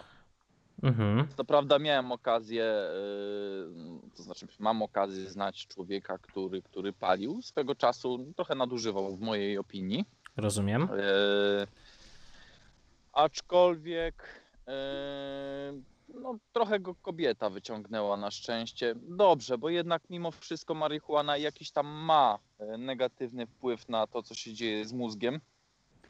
E, Nie jest to jakoś bardzo negatywny wpływ, ale jednak mimo wszystko dobrze, że bardzo mocno przystopował. Teraz to tak już raczej okazjonalnie popala. Czy Okej. mogę podnieść rękę? Da- Zapraszam. Tak, oczywiście. E, dobra, to chciałem się e, wypowiedzieć, trochę lekko sprostować odnośnie legali- e, legalności narkotyków, Mhm. ponieważ te narkotyki, które teraz są nielegalne, już kiedyś były legalne. To nie jest tak, że one nigdy nie były legalne. Przecież e, pamiętajcie, że e, na przykład metamfetaminę brali niemieccy żołnierze. E, Kokainę odkryto gdzieś w, w rejonach, e, jak okupowano tam właśnie królestwo Inków i tak dalej. Tam żuli ci Inkowie liście koki, tam e, Portugalczycy zaczę- zobaczyli, że te liście koki są fajne, no i zaczęli robić z tego kokainę. E, Kiedyś nawet był taki, była taka reklama, był taki plakat, na którym y, papież pije y, wini Mariani, czy winum Mariani i to było wino z dodatkiem ko- kokainy. Papież? Papież kościoła katolickiego. Tak, Który papież? się. Nie pamiętam, ale to było powiedzmy, że 300 lat temu. Aha, dobra. Gdzieś. Były, tak, ale to były czasy, były takie czasy, że e, tak jak to mówią, były czasy, nie ma teraz czasów. No właśnie, były te, takie czasy, kiedy te wszystkie narkotyki, amfetamina brano jak cukierki. Amfetamina była dodatkiem do syropków na gardło, na kaszel, ponieważ dobrze rozszerza naczynia e, te krwionośne tam w, tcha, w płucach czy coś takiego. Więc to wszystko już było kiedyś legalne. E, e, Przecież brano też y, morfinę, y, przecież tak, to, to ci wszyscy y, malarze, poeci, pisarze i tak dalej, oni jechali na wszystkim. Taka mała dygresja, że najpierw oni to biorą, później piszą, a później dzieciom się każe na lekcjach mówić, co autor miał na myśli, kiedy mówił o, o, słyszeniu, o słyszeniu kolorów. No oczywiście miał to na myśli, że był pod wpływem psychodelików. Bardzo E, dobre. Tak. Dlatego A to jeszcze wszystko było legalne. Mhm. Dobrze, było le- za chwilkę.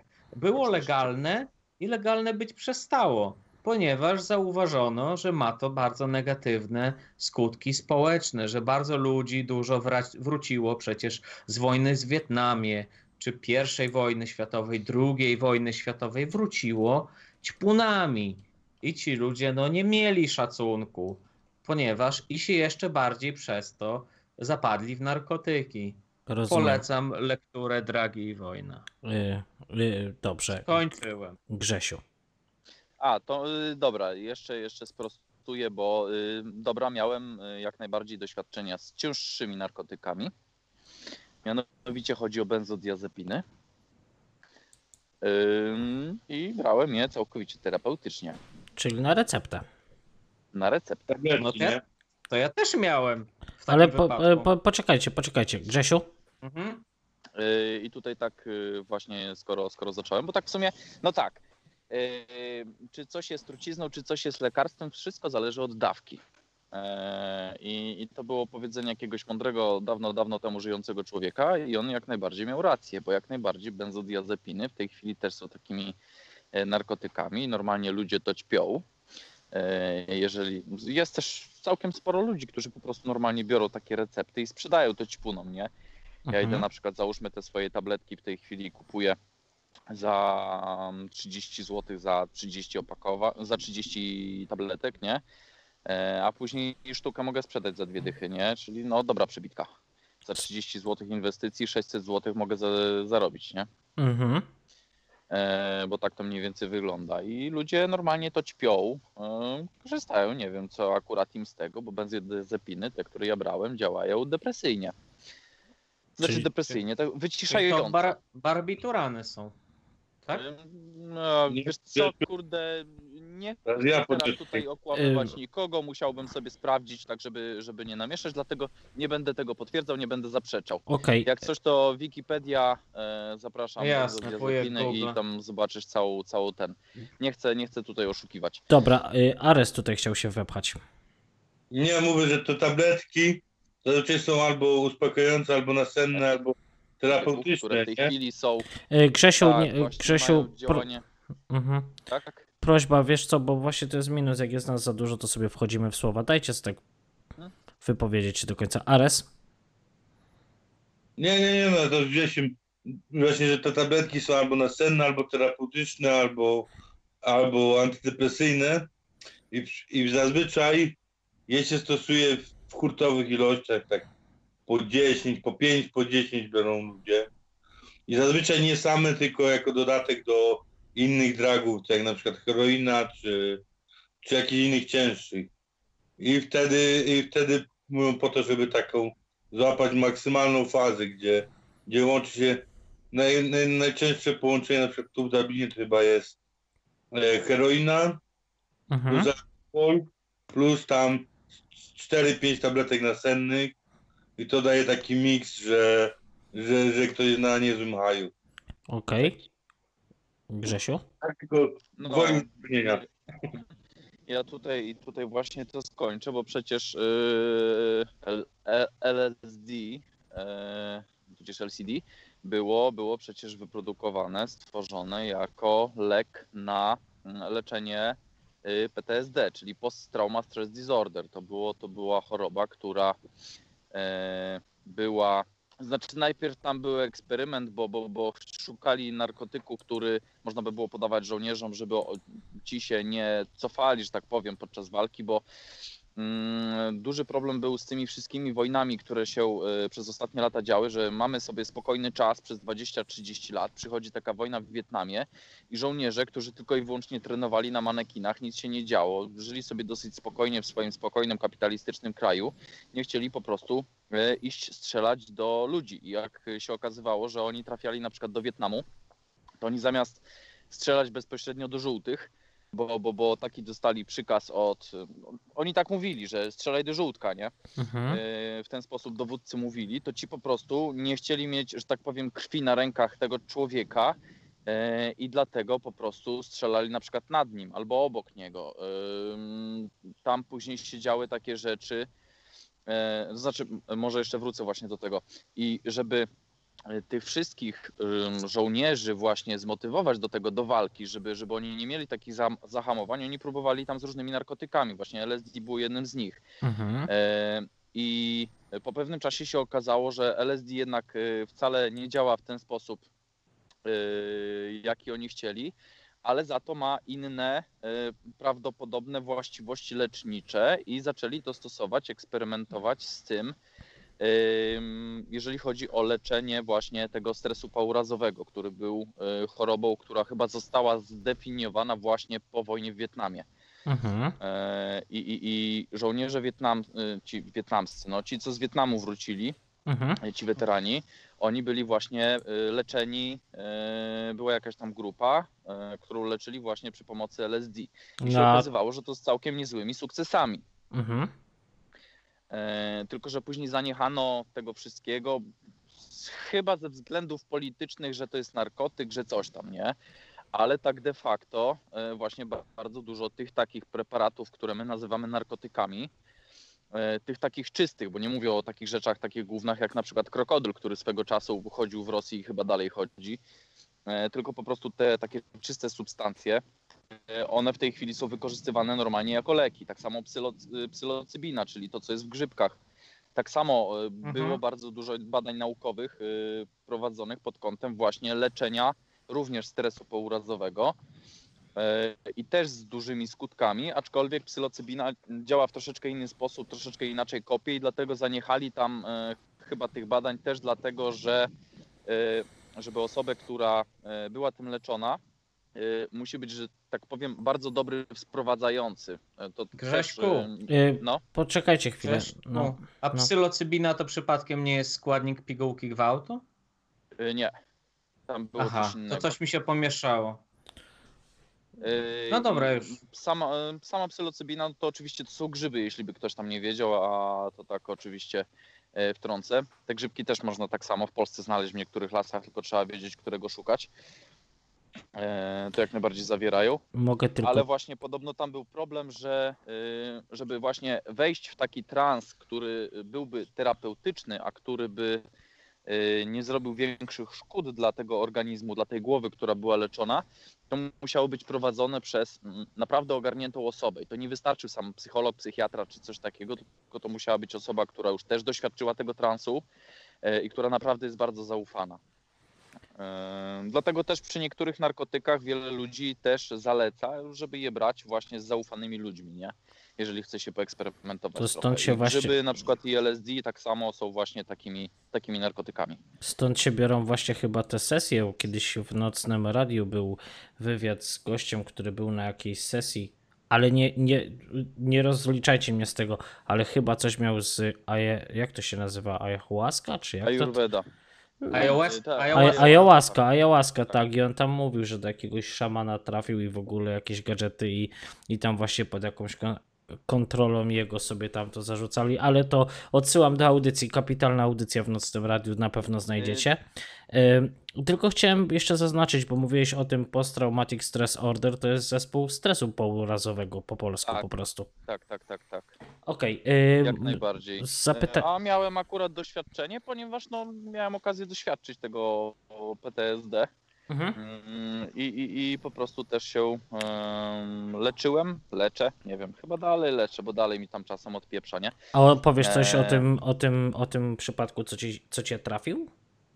Znaczy, no po prostu, jak to stwierdził psychiatra, to jest tak, człowiek jest jak taka szklaneczka, tylko ta szklaneczka ma taką malutką dziurkę i tam sobie kapie ten stres, kapie ten stres, kapie, nie?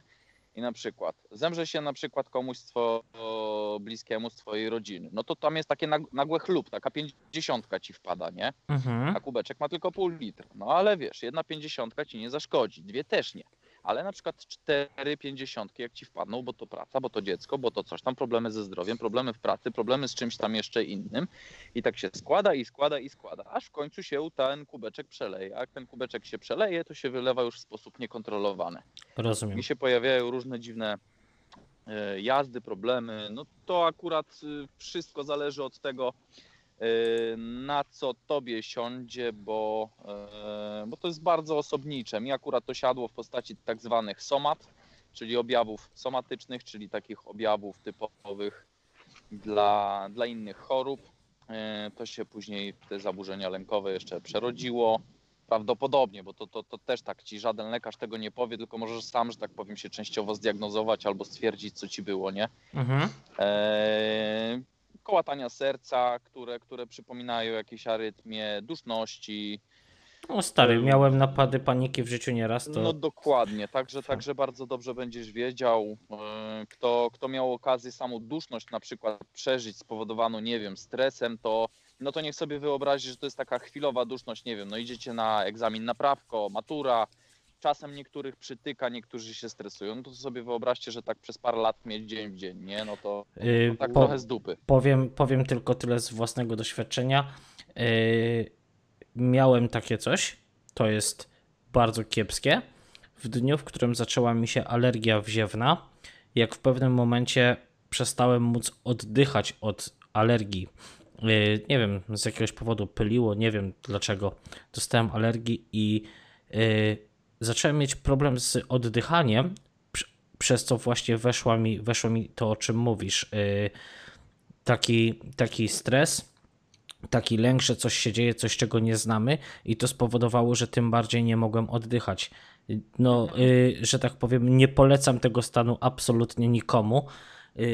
Trzeba się nauczyć z tym żyć, a najlepiej zrobić to, o czym powiedział na początku audycji Jacek. Zna, znaleźć sobie y, psychologa, psychiatrę, który was z tego wyciągnie.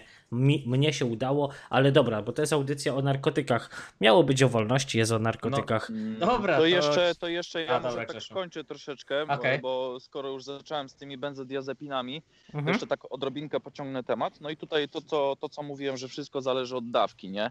Mhm. E, dawki te takie, żeby sobie złapać tripa, no to tak jak Aras wcześniej wspomniał, 5-6 tabletek plus do tego troszeczkę he- heroinki, tak mówiłeś? Chyba tak. Nie chcę, nie chcę tutaj pomieszać. E, I e, no 5 tabletek naraz, jak ja bym wziął, no to byłbym dobrze sklepnięty, nie? Mhm. E, Tutaj normalnie się bierze po prostu jedną tabletkę, która ci działa przez tam 8-10 Halo? Coś się chłopaki wysypa. Grzegorz, Grzegorz. 12 godzin. Grzesiu, taka- Grzesiu, Grzesiu, Grzesiu, urwało cię, wróć do domu. Halo, halo, jestem koło domu. No to Halo, halo, mów. halo, czy mnie teraz słychać? Dobra, Teraz tak. czas pół trwa... Kurde, dobra, jeszcze dwa kroki. Halo, halo? No Halo, jest halo. dobrze, ale starajmy się nie robić Dobra. tutaj technikaliów. Dobra. E, czas półtrwania to jest taki, takie, takie e, coś, co określa, jaka ilość danej substancji się znajduje jeszcze w naszym organizmie po pewnym e, tam czasie. Czyli czas półtrwania, czyli dokładnie chodzi po jakim czasie połowa tej substancji, którą myśmy zażyli, będzie się jeszcze znajdowała w organizmie, nie? Mhm. Czyli tak y, połowę z tego, co weźmiemy. Czyli jeżeli sobie łykniemy powiedzmy tabletkę dziesiąteczkę, to piąteczkę będziemy mieli jeszcze po 40 godzinach, nie? Mhm. E, więc, więc się bierze takie, a nie inne dawki. Ja brałem akurat w najniższej dawce, nie to było wystarczające. Akurat tutaj benzodiazepinki fajne są do leczenia takich rzeczy, bo one hmm, bardzo mocno wyciszają. Wyciszają, tak uspokajają, e, powodują uspokojenie oddechu. Co ciekawe, one działają depresyjnie również na środek oddechowy. Wobec tego, jak się tego za dużo weźmie, to można troszeczkę mieć problemy z oddychaniem, nie? I dlatego tego nawet nie wolno łączyć z alkoholem. Więc tak trochę śmiesznie, bo nie możesz oddychać, bierzesz tabletkę po to, żeby spokojniej oddychać, nie? No. E, No i to, to, są, to są w sumie moje doświadczenia z całymi narkotykami, bo tam o innych lekach uspokajających, nienarkotycznych, to, to tam nie będę wspominał, bo tam hydroksyzynka, tego typu rzeczy, no to to jest mm, też takie, takie to, to, to już jest lżejszy zdecydowanie kaliber, nie? Mhm. E, pytanie, bo tutaj e, Jacek, ty chciałeś chyba się wtrącić. No tak, no bo w takim wypadku to ja brałem narkotyki. O, ty Jeżeli- ćpunie. Jeże, tak, dokładnie. Ty, Przez trzy dni, przez trzy dni ja brałem diazepam. widzicie? Tylko ja nie tak wiem. Na początku audycji mówił, że ja tam w życiu nie brałem. Ja to... Oczywiście, oczywiście terapeutycznie. No. Tylko ja nie wiem, jak ludzie mogą na przykład brać diazepam w połączeniu z narkotykami, ponieważ na mnie działało to tak, że bo wy mówicie coś o uspokajaniu i tak dalej. Ja po takiej tabletce szedłem spać, spałem pół dnia, brałem tabletkę, szedłem spać, sprapałem drugie pół dnia, brałem tabletkę, spałem całą noc i tak przez trzy dni. A jadłeś? Więc ja nie wiem, nie wiem nic o... Tak, oczywiście, gdzieś tam pomiędzy snem. Okej. Y, ale można powiedzieć, że 20 godzin dziennie przesypiałem, więc nie wiem, czy to takie fajne branie tych, tych tabletków, gdzie tylko bierzesz, śpisz, bierzesz, śpisz, Ares- bierzesz, śpisz. Ares, tłumacz się, jak to jest z tym braniem tabletek? W ogóle zauważyłem, że Ares chyba sobie coś pomylił i włączył nagrywanie rozmowy. Chciał się E. wyciszyć, czy co on tutaj namieszał? Przecież to Y, będzie to... Ja tak może zanim Ares odpowiem, to ja troszeczkę wtrącę a propos tego brania tabletek. Y, Każda substancja, jaką przyjmujemy, działa bardzo osobniczo. Na jednego zadziała w taki, a nie inny sposób, na innego zadziała troszeczkę inaczej. To znaczy ogólnie mechanizm działania będzie dokładnie taki sam, bo y, chemii nie oszukasz. Ale chodzi o to, że na przykład y, ty brałeś powiedzmy To pierwszy raz życiu, jedną nie? tabletkę i cię klepnęło do tego stopnia, że po prostu szedłeś spać i przez Tak. 12 godzin spałeś po tabletce. A mnie na, na przykład, jak ja brałem jedną tabletkę, mnie to wyciszało, uspokajało, y, ale po jednej tabletce mnie nie usypiało. I ja na przykład y, mogłem, aczkolwiek lekarz mi kazał na to bardzo uważać, siąść za kierownicę po tym. I dla mnie nie było problemu prowadzić samochód, bo koncentracja, wszystko i tak dalej, to, to, to moje świadome działanie na drodze było stuprocentowe. Mhm. Dla mnie to nie był problem, ale na przykład jak wziąłem sobie dwie tabletki na raz, o to mnie klepnęło, to już poszedłem spać. I wiesz, na ciebie mogła jedna tabletka zadziałać, na kogo innego mogła druga, y, dopiero druga tabletka zadziałać, nie? Jasne. No ale to ja, ja troszeczkę też y, dłu- dłużej to ćpałem, bo faktycznie może pierwsze dwie, trzy tabletki mnie mocniej ścięły, yy, ale jak miałem taki okres, że łykałem tam po kilka tabletek w tygodniu, Mhm. E, oczywiście nie więcej niż jedną dziennie, no bo to już wycisza na tyle, że, że, że te wszystkie objawy, że tak powiem, bardzo mocno wycisza. To e, może częściowo się też organizm przyzwyczaił. Na to też trzeba uważać, też trzeba kontrolować to, ile tego się bierze. Lekarz powiedział, że jeżeli biorę powiedzmy tam, nie wiem, jeden tydzień mi się zdarzyło, że wziąłem 5-6 tabletek, ale później dwa tygodnie miałem e, odstawki, mnie nie ciągnęło, to spoko, nie ma problemu, mogę Ale sobie tak brać, nie? poczekaj, czyli ty brałeś jedną tabletkę dziennie, a Jacek walnął trzy tabletki w dwa dni, tak? Zrozumiałem. Nie, trzy tabletki dziennie miałem. Trzy tabletki dziennie, no to, to żeś pojechał. Mm. Ale może ja miałem inną Ale myśmy dawkę. brali, my, E. nie, myśmy brali inne leki. Ja, Aha, brałem diaze- Ale inne ja leki. brałem diazepam.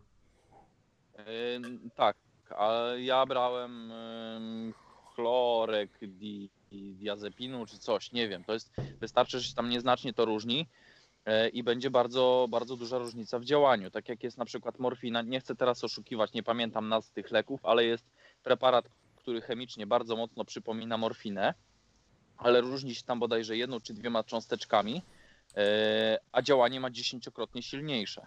Mhm. Dlatego tak nie można porównywać dwóch takich tabletek, bo one mogą w troszeczkę inny sposób działać, to się będzie troszeczkę różniło. Jasne, No, też no. dawka, nie? Dobra. Wiadomo, E, nie no wiadomo tak, jak no tam wiadomo dawka. dawka. No, no ja wiem akurat jaką ja brałem dawkę, nie wiem jaką ty brałeś, nie?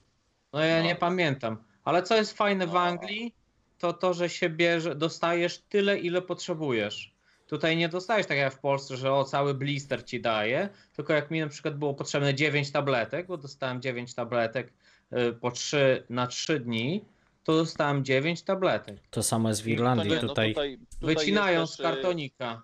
To u nas akurat wyciągają z kartonika, ale nie, nie rozdzielają blistra. A tu wycinają tam- ci z blistra. Jeżeli masz tam nawet. na przykład w pudełeczku masz na przykład y, y, 30 tabletek, no to na przykład da ci jeden blister, jeżeli masz tam tylko 10 sztuk zapisanych. Ale nie ma też problemu. Są, są leki na przykład, które są pakowane na przykład po 5 w blister albo po 3 w blister. Także tutaj też nie ma problemu, więc, więc podejrzewam, że jeżeli by lekarz zaordynował 3 albo 5 tabletek, to bez problemu bym dostał po, tak. po prostu by ci wyciągnęli te tabletki do, do buteleczki by ci dali. Y, Nie, nie, nie, nie, nie, może z blistra wtedy- wyjąć. Nie? Tak, ich się Nie. z blistra nie wyjmuje, tak. No wilgoć i te rzeczy. E. Okej. Poczekajcie, bo nam Ares gdzieś przepadł. Aresie, ty ćpunie jeden, gdzie ty poszłeś? A Prze- Ty, czemu ty nagrywasz, y, nagrywasz rozmowę, która będzie podcastem? Ty, ty, ty mnie naprawdę nigdy nie, nie ten. Boi się, że to A wytną. nie, nie, nie, ja włączyłem nagrywanie kiedy wyszłem, wiecie? A, To, To- kiedy mnie nie było. to, to, to trzeba być geniuszem, żeby nagrywać audycję, w której się bierze udział, która będzie podcastem. No, A nie, nie, nie, ja tylko nagrywam 10 minut, które mnie nie było, bo tak jak słusznie Grzesiu zauważył, poszłem zażyć starego, kurwiającego narkotyku, zwanego nikotyną. A, Poczekaj, czyli wyszedłeś sobie tak po prostu od rozmowy, jak my tutaj poważne tematy poruszamy? C- No bo głód. To ja, ja ci powiem, to nieładnie tak. Dobra, no ale ja chyba w życiu nie... z- nie, nie Widzicie jak to jest, kurde, nie? Stary narkoman. Rak. no, ja to w życiu was nie zrozumiem, w życiu nie paliłem, to kurczę nie wiem co to znaczy, O, ale słyszałem, Ja że... też. Ty też Jacku? No to stary, pią... Piąteczka. To, to, to, to, ty Ale się dołączę do tego, co mówiliście, nie? Tutaj na przykład E, Poczekaj, William? poczekaj, poczekaj, poczekaj chwilkę, poczekaj. Pierwsze pytanie. Czy miałeś sty styczność z... Czym to, Grzesiek? Diabazepamam? Benzodiazepiny. Dobra. Benzodiazepiny. Miałeś, Na pewno. miałeś z tym... Takie Do... nie? No to... Ja nigdy nic nie brałem przypisane, ale chciałem, że mówiliście o tym, jak dzielą, nie? Dobra, W no, Irlandii- W Polsce jest tak, że jeszcze ci dadzą, dadzą tą, tą paczkę czy półtorej tabletek, jak masz tam na receptę, a tutaj w Irlandii jest tak, że chociażbyś miał, żeby pudełko miało 20 tabletek, a lekarz by ci przypisał 16, to oni to cztery tabletki odetną i ci dadzą tylko Tak. 16. A Ani, jed, tak samo.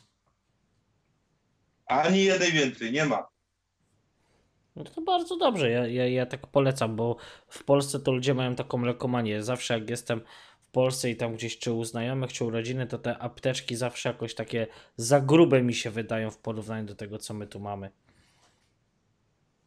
Wiesz, zależy, zależy też na co się leczysz, nie? Bo mm, na przykład to co, to, co właśnie ja miałem, to się też tak nie leczy, powiedzmy, terapią kilkunastu tabletek, nie? Mhm. Mm, Ja akurat tam brałem też y, inne tabletki, tylko to są akurat nie z grupy narkotyków, y, tylko akurat tam y, z grupy y, zwrotnego wychwytu serotoniny, czyli SSRI. I to faktycznie ćpałem codziennie przez parę miesięcy. A te tabletki, które dostałem, to y, na czas odstawienia i przed samą wizytą u psychiatry, nie? Mhm. E? Tak, tak. Grzesiu, gdzieś ty nam tutaj zno, znowu gdzieś poszedł. E, to Szoki. było- Grzesiu, tak, a nie inaczej. Grzesiu, znowu cię urwało na pół minuty. Ach, ta wieś polska. Wieś No Polska. tu się pracuje, No chyba, ale jestem, jestem. Chyba nie pogadamy Dobra. z Grzesiem. Grzesiu? Halo, słychać mnie? Tniesz. Ech, Dobra. strasznie Dajcie tniesz. mnie na nasłuch. Wyłącz mikrofon, wyłącz mikrofon i będę słuchał. To jak mam ci wyłączyć mikrofon, człowieku? Jak ja tu mam całą konferencję. No dobra, to, to się nic nie odzywam. Słucham Po- was. Dobra.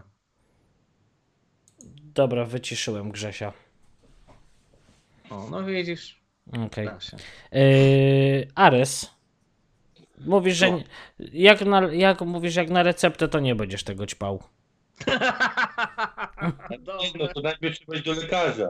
Okej. A w Irlandii, wiesz jak się idzie do pierwszego lekarza w Irlandii? No ja mam bardzo dobrego lekarza pierwszego kontaktu, więc. To on ci przypisze paracetamol, co by ci się nie działo. Nie, nie, nie. Ja mówię, że ja mam bardzo dobrego. Ja nie mam lekarza, który przepisuje paracetamol. Paracetamol to mi wujek Gogle może przepisać. Ty jesteś szczęśliwym człowiekiem. No, Ja mówię o normalnych ludziach. ale to tak. Zresztą o czym my mówimy? Ty jedziesz, kurde, ile? Godzinę busem do swojego lekarza? 50, Żeby nie- tak, 50 kilometrów. Właśnie dlatego jeżdżę do niego, ponieważ to jest lekarz, który nie przepisuje paracetamolu. Jak y, człowiekowi coś jest, to go bada, wysyła, skieruje do szpitala, zamiast leczyć rok paracetamolem. Ty znasz tą bolączkę. A do takiego lekarza to, to trzeba trochę czasu, żeby takiego lekarza znaleźć. Mogę jeszcze nie- jedno? Na to. Poczekaj chwileczku. Mhm. Dobra. A ja nie mam na- czasu ani sił na to, dlatego zresztą jak mówię, w Dublinie jak ja bym potrzebował tabletki na sen, no to ja też wyjdę i zaraz załatwię. Okej, Jacek? No właśnie o tym chciałem powiedzieć, że też dostałem kiedyś od lekarza na sen, też psychotropy.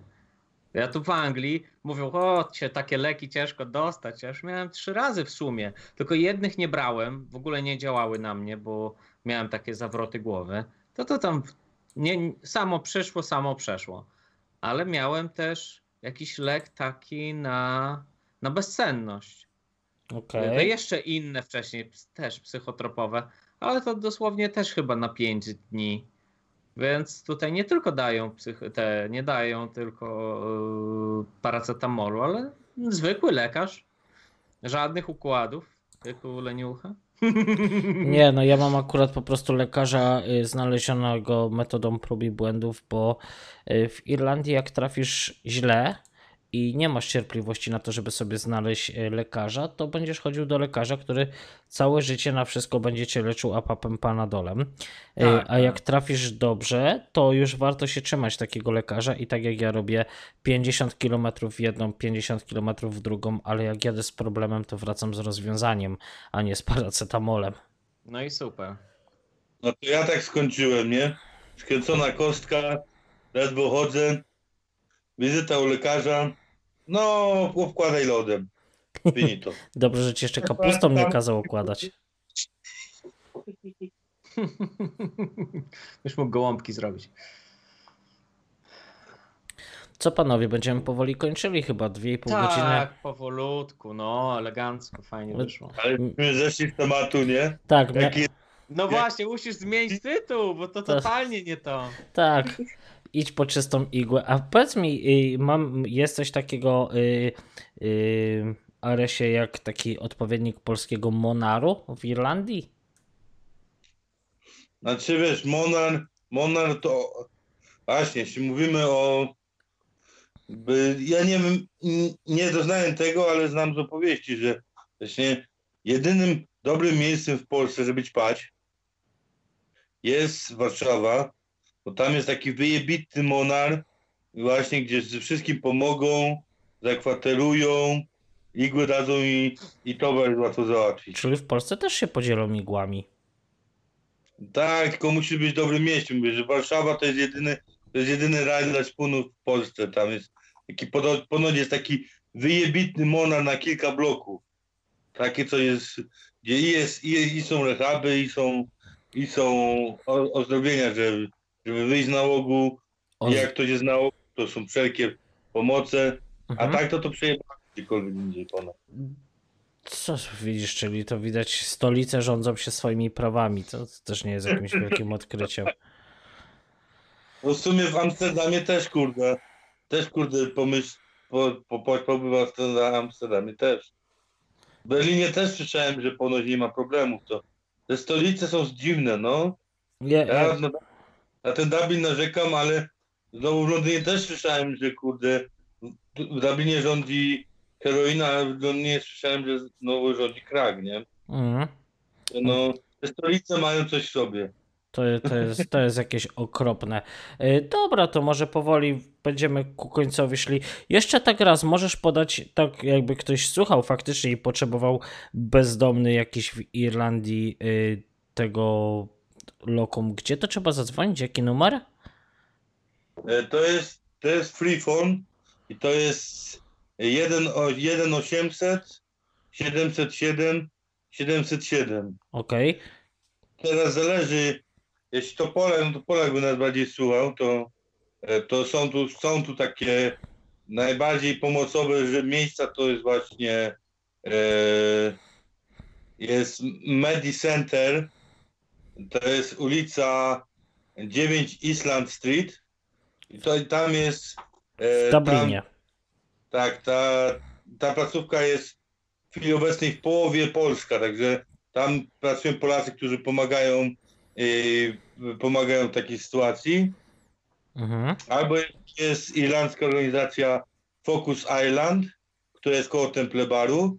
Tam też są ludzie, którzy yy, mówię o takich ludziach, którzy do których przychodzisz i oni ci pomogą coś załatwić, pomogą, powiedzą ci gdzie iść, po coś i tak dalej. Takie podstawowe rzeczy. Jak ktoś jest w złej sytuacji, to najlepiej się te dwa miejsca udać, to oni ci wszystko powiedzą. Ja tak dodam tylko, że Temple Bar to jest taki dość sławny bar w Dublinie.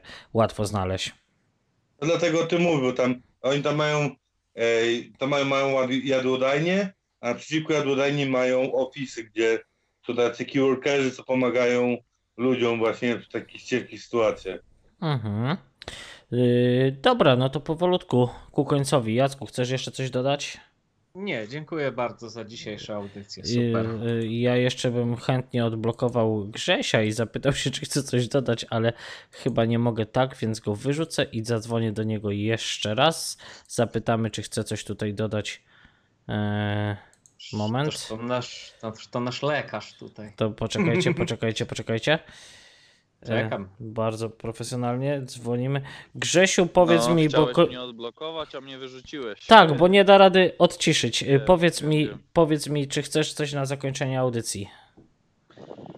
Ym, nie wiem, no mogę ewentualnie spróbować skończyć ten wątek, który zacząłem jeszcze. To już taki króciuteńki. No to dawaj. E, lekarze, lekarze w Polsce, z tego co mi wiadomo, to tam nie mają zbyt dużych możliwości, jeśli chodzi o leczenie takich chorób e, psychicznych, więc mają tam kilka podstawowych leków, e, które, które po prostu dają, no jak się, że tak powiem, ma wyrozumiałego rodzinnego, to, to można generalnie żreć fiksy, fiksy jak się chce, nie?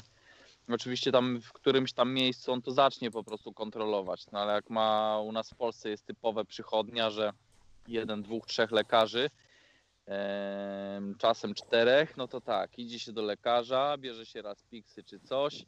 Nie zawsze lekarze na przykład przeglądają historię choroby, czasem po prostu tak spojrzy na ostatnie dwa, trzy wpisy, a tu grypa, tu grypa, tu grypa, no to panu możemy jeszcze dać.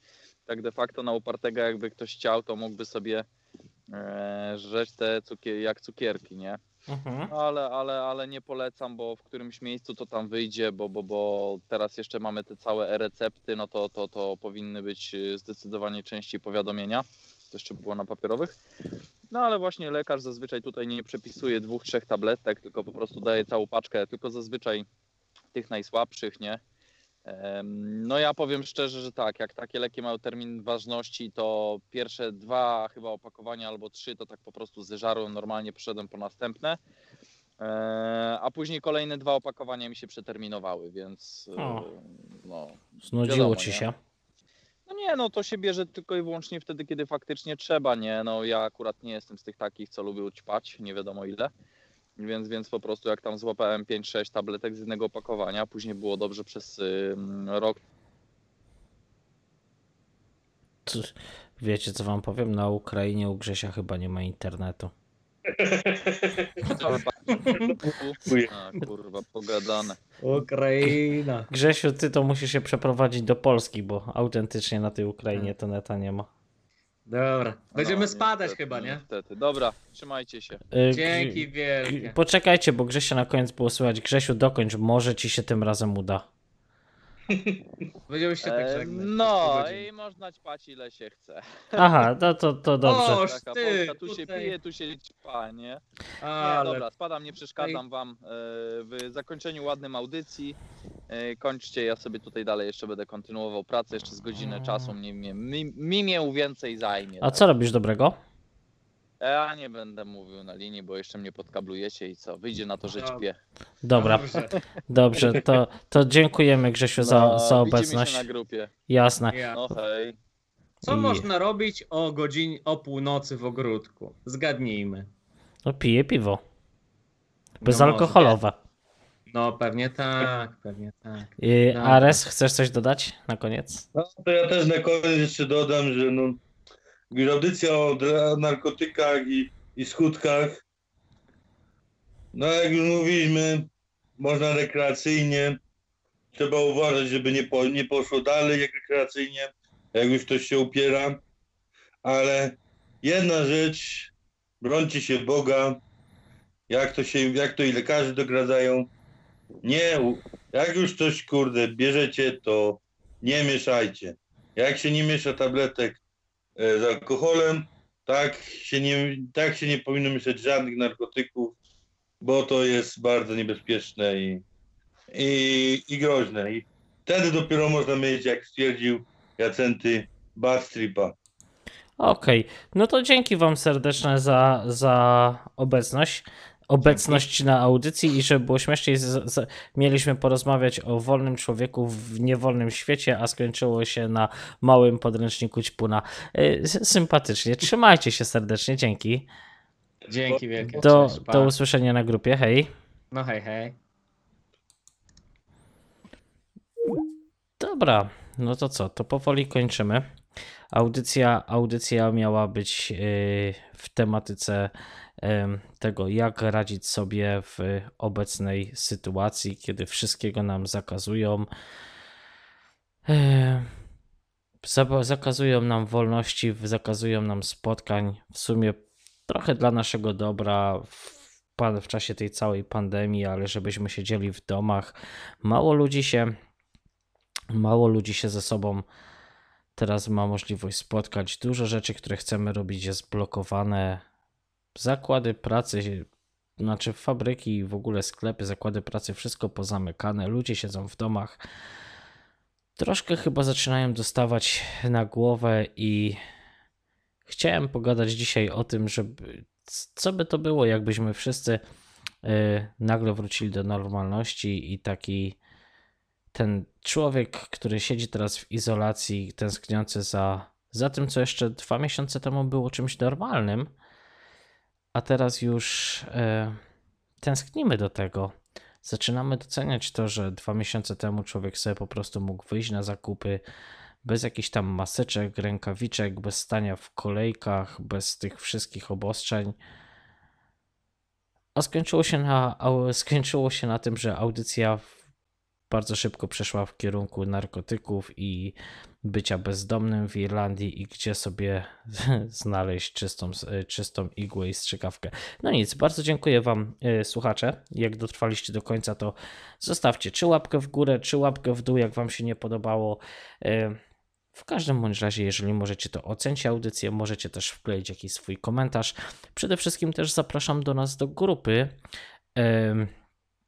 Bez montażu, bez cenzury na Telegramie, ale teraz już nie wpuszczamy każdego jak leci, y, ponieważ przyjęliśmy sobie taką zasadę, że będzie 20 osób na grupie, nie więcej. I powiem tak, jest nas 20 osób.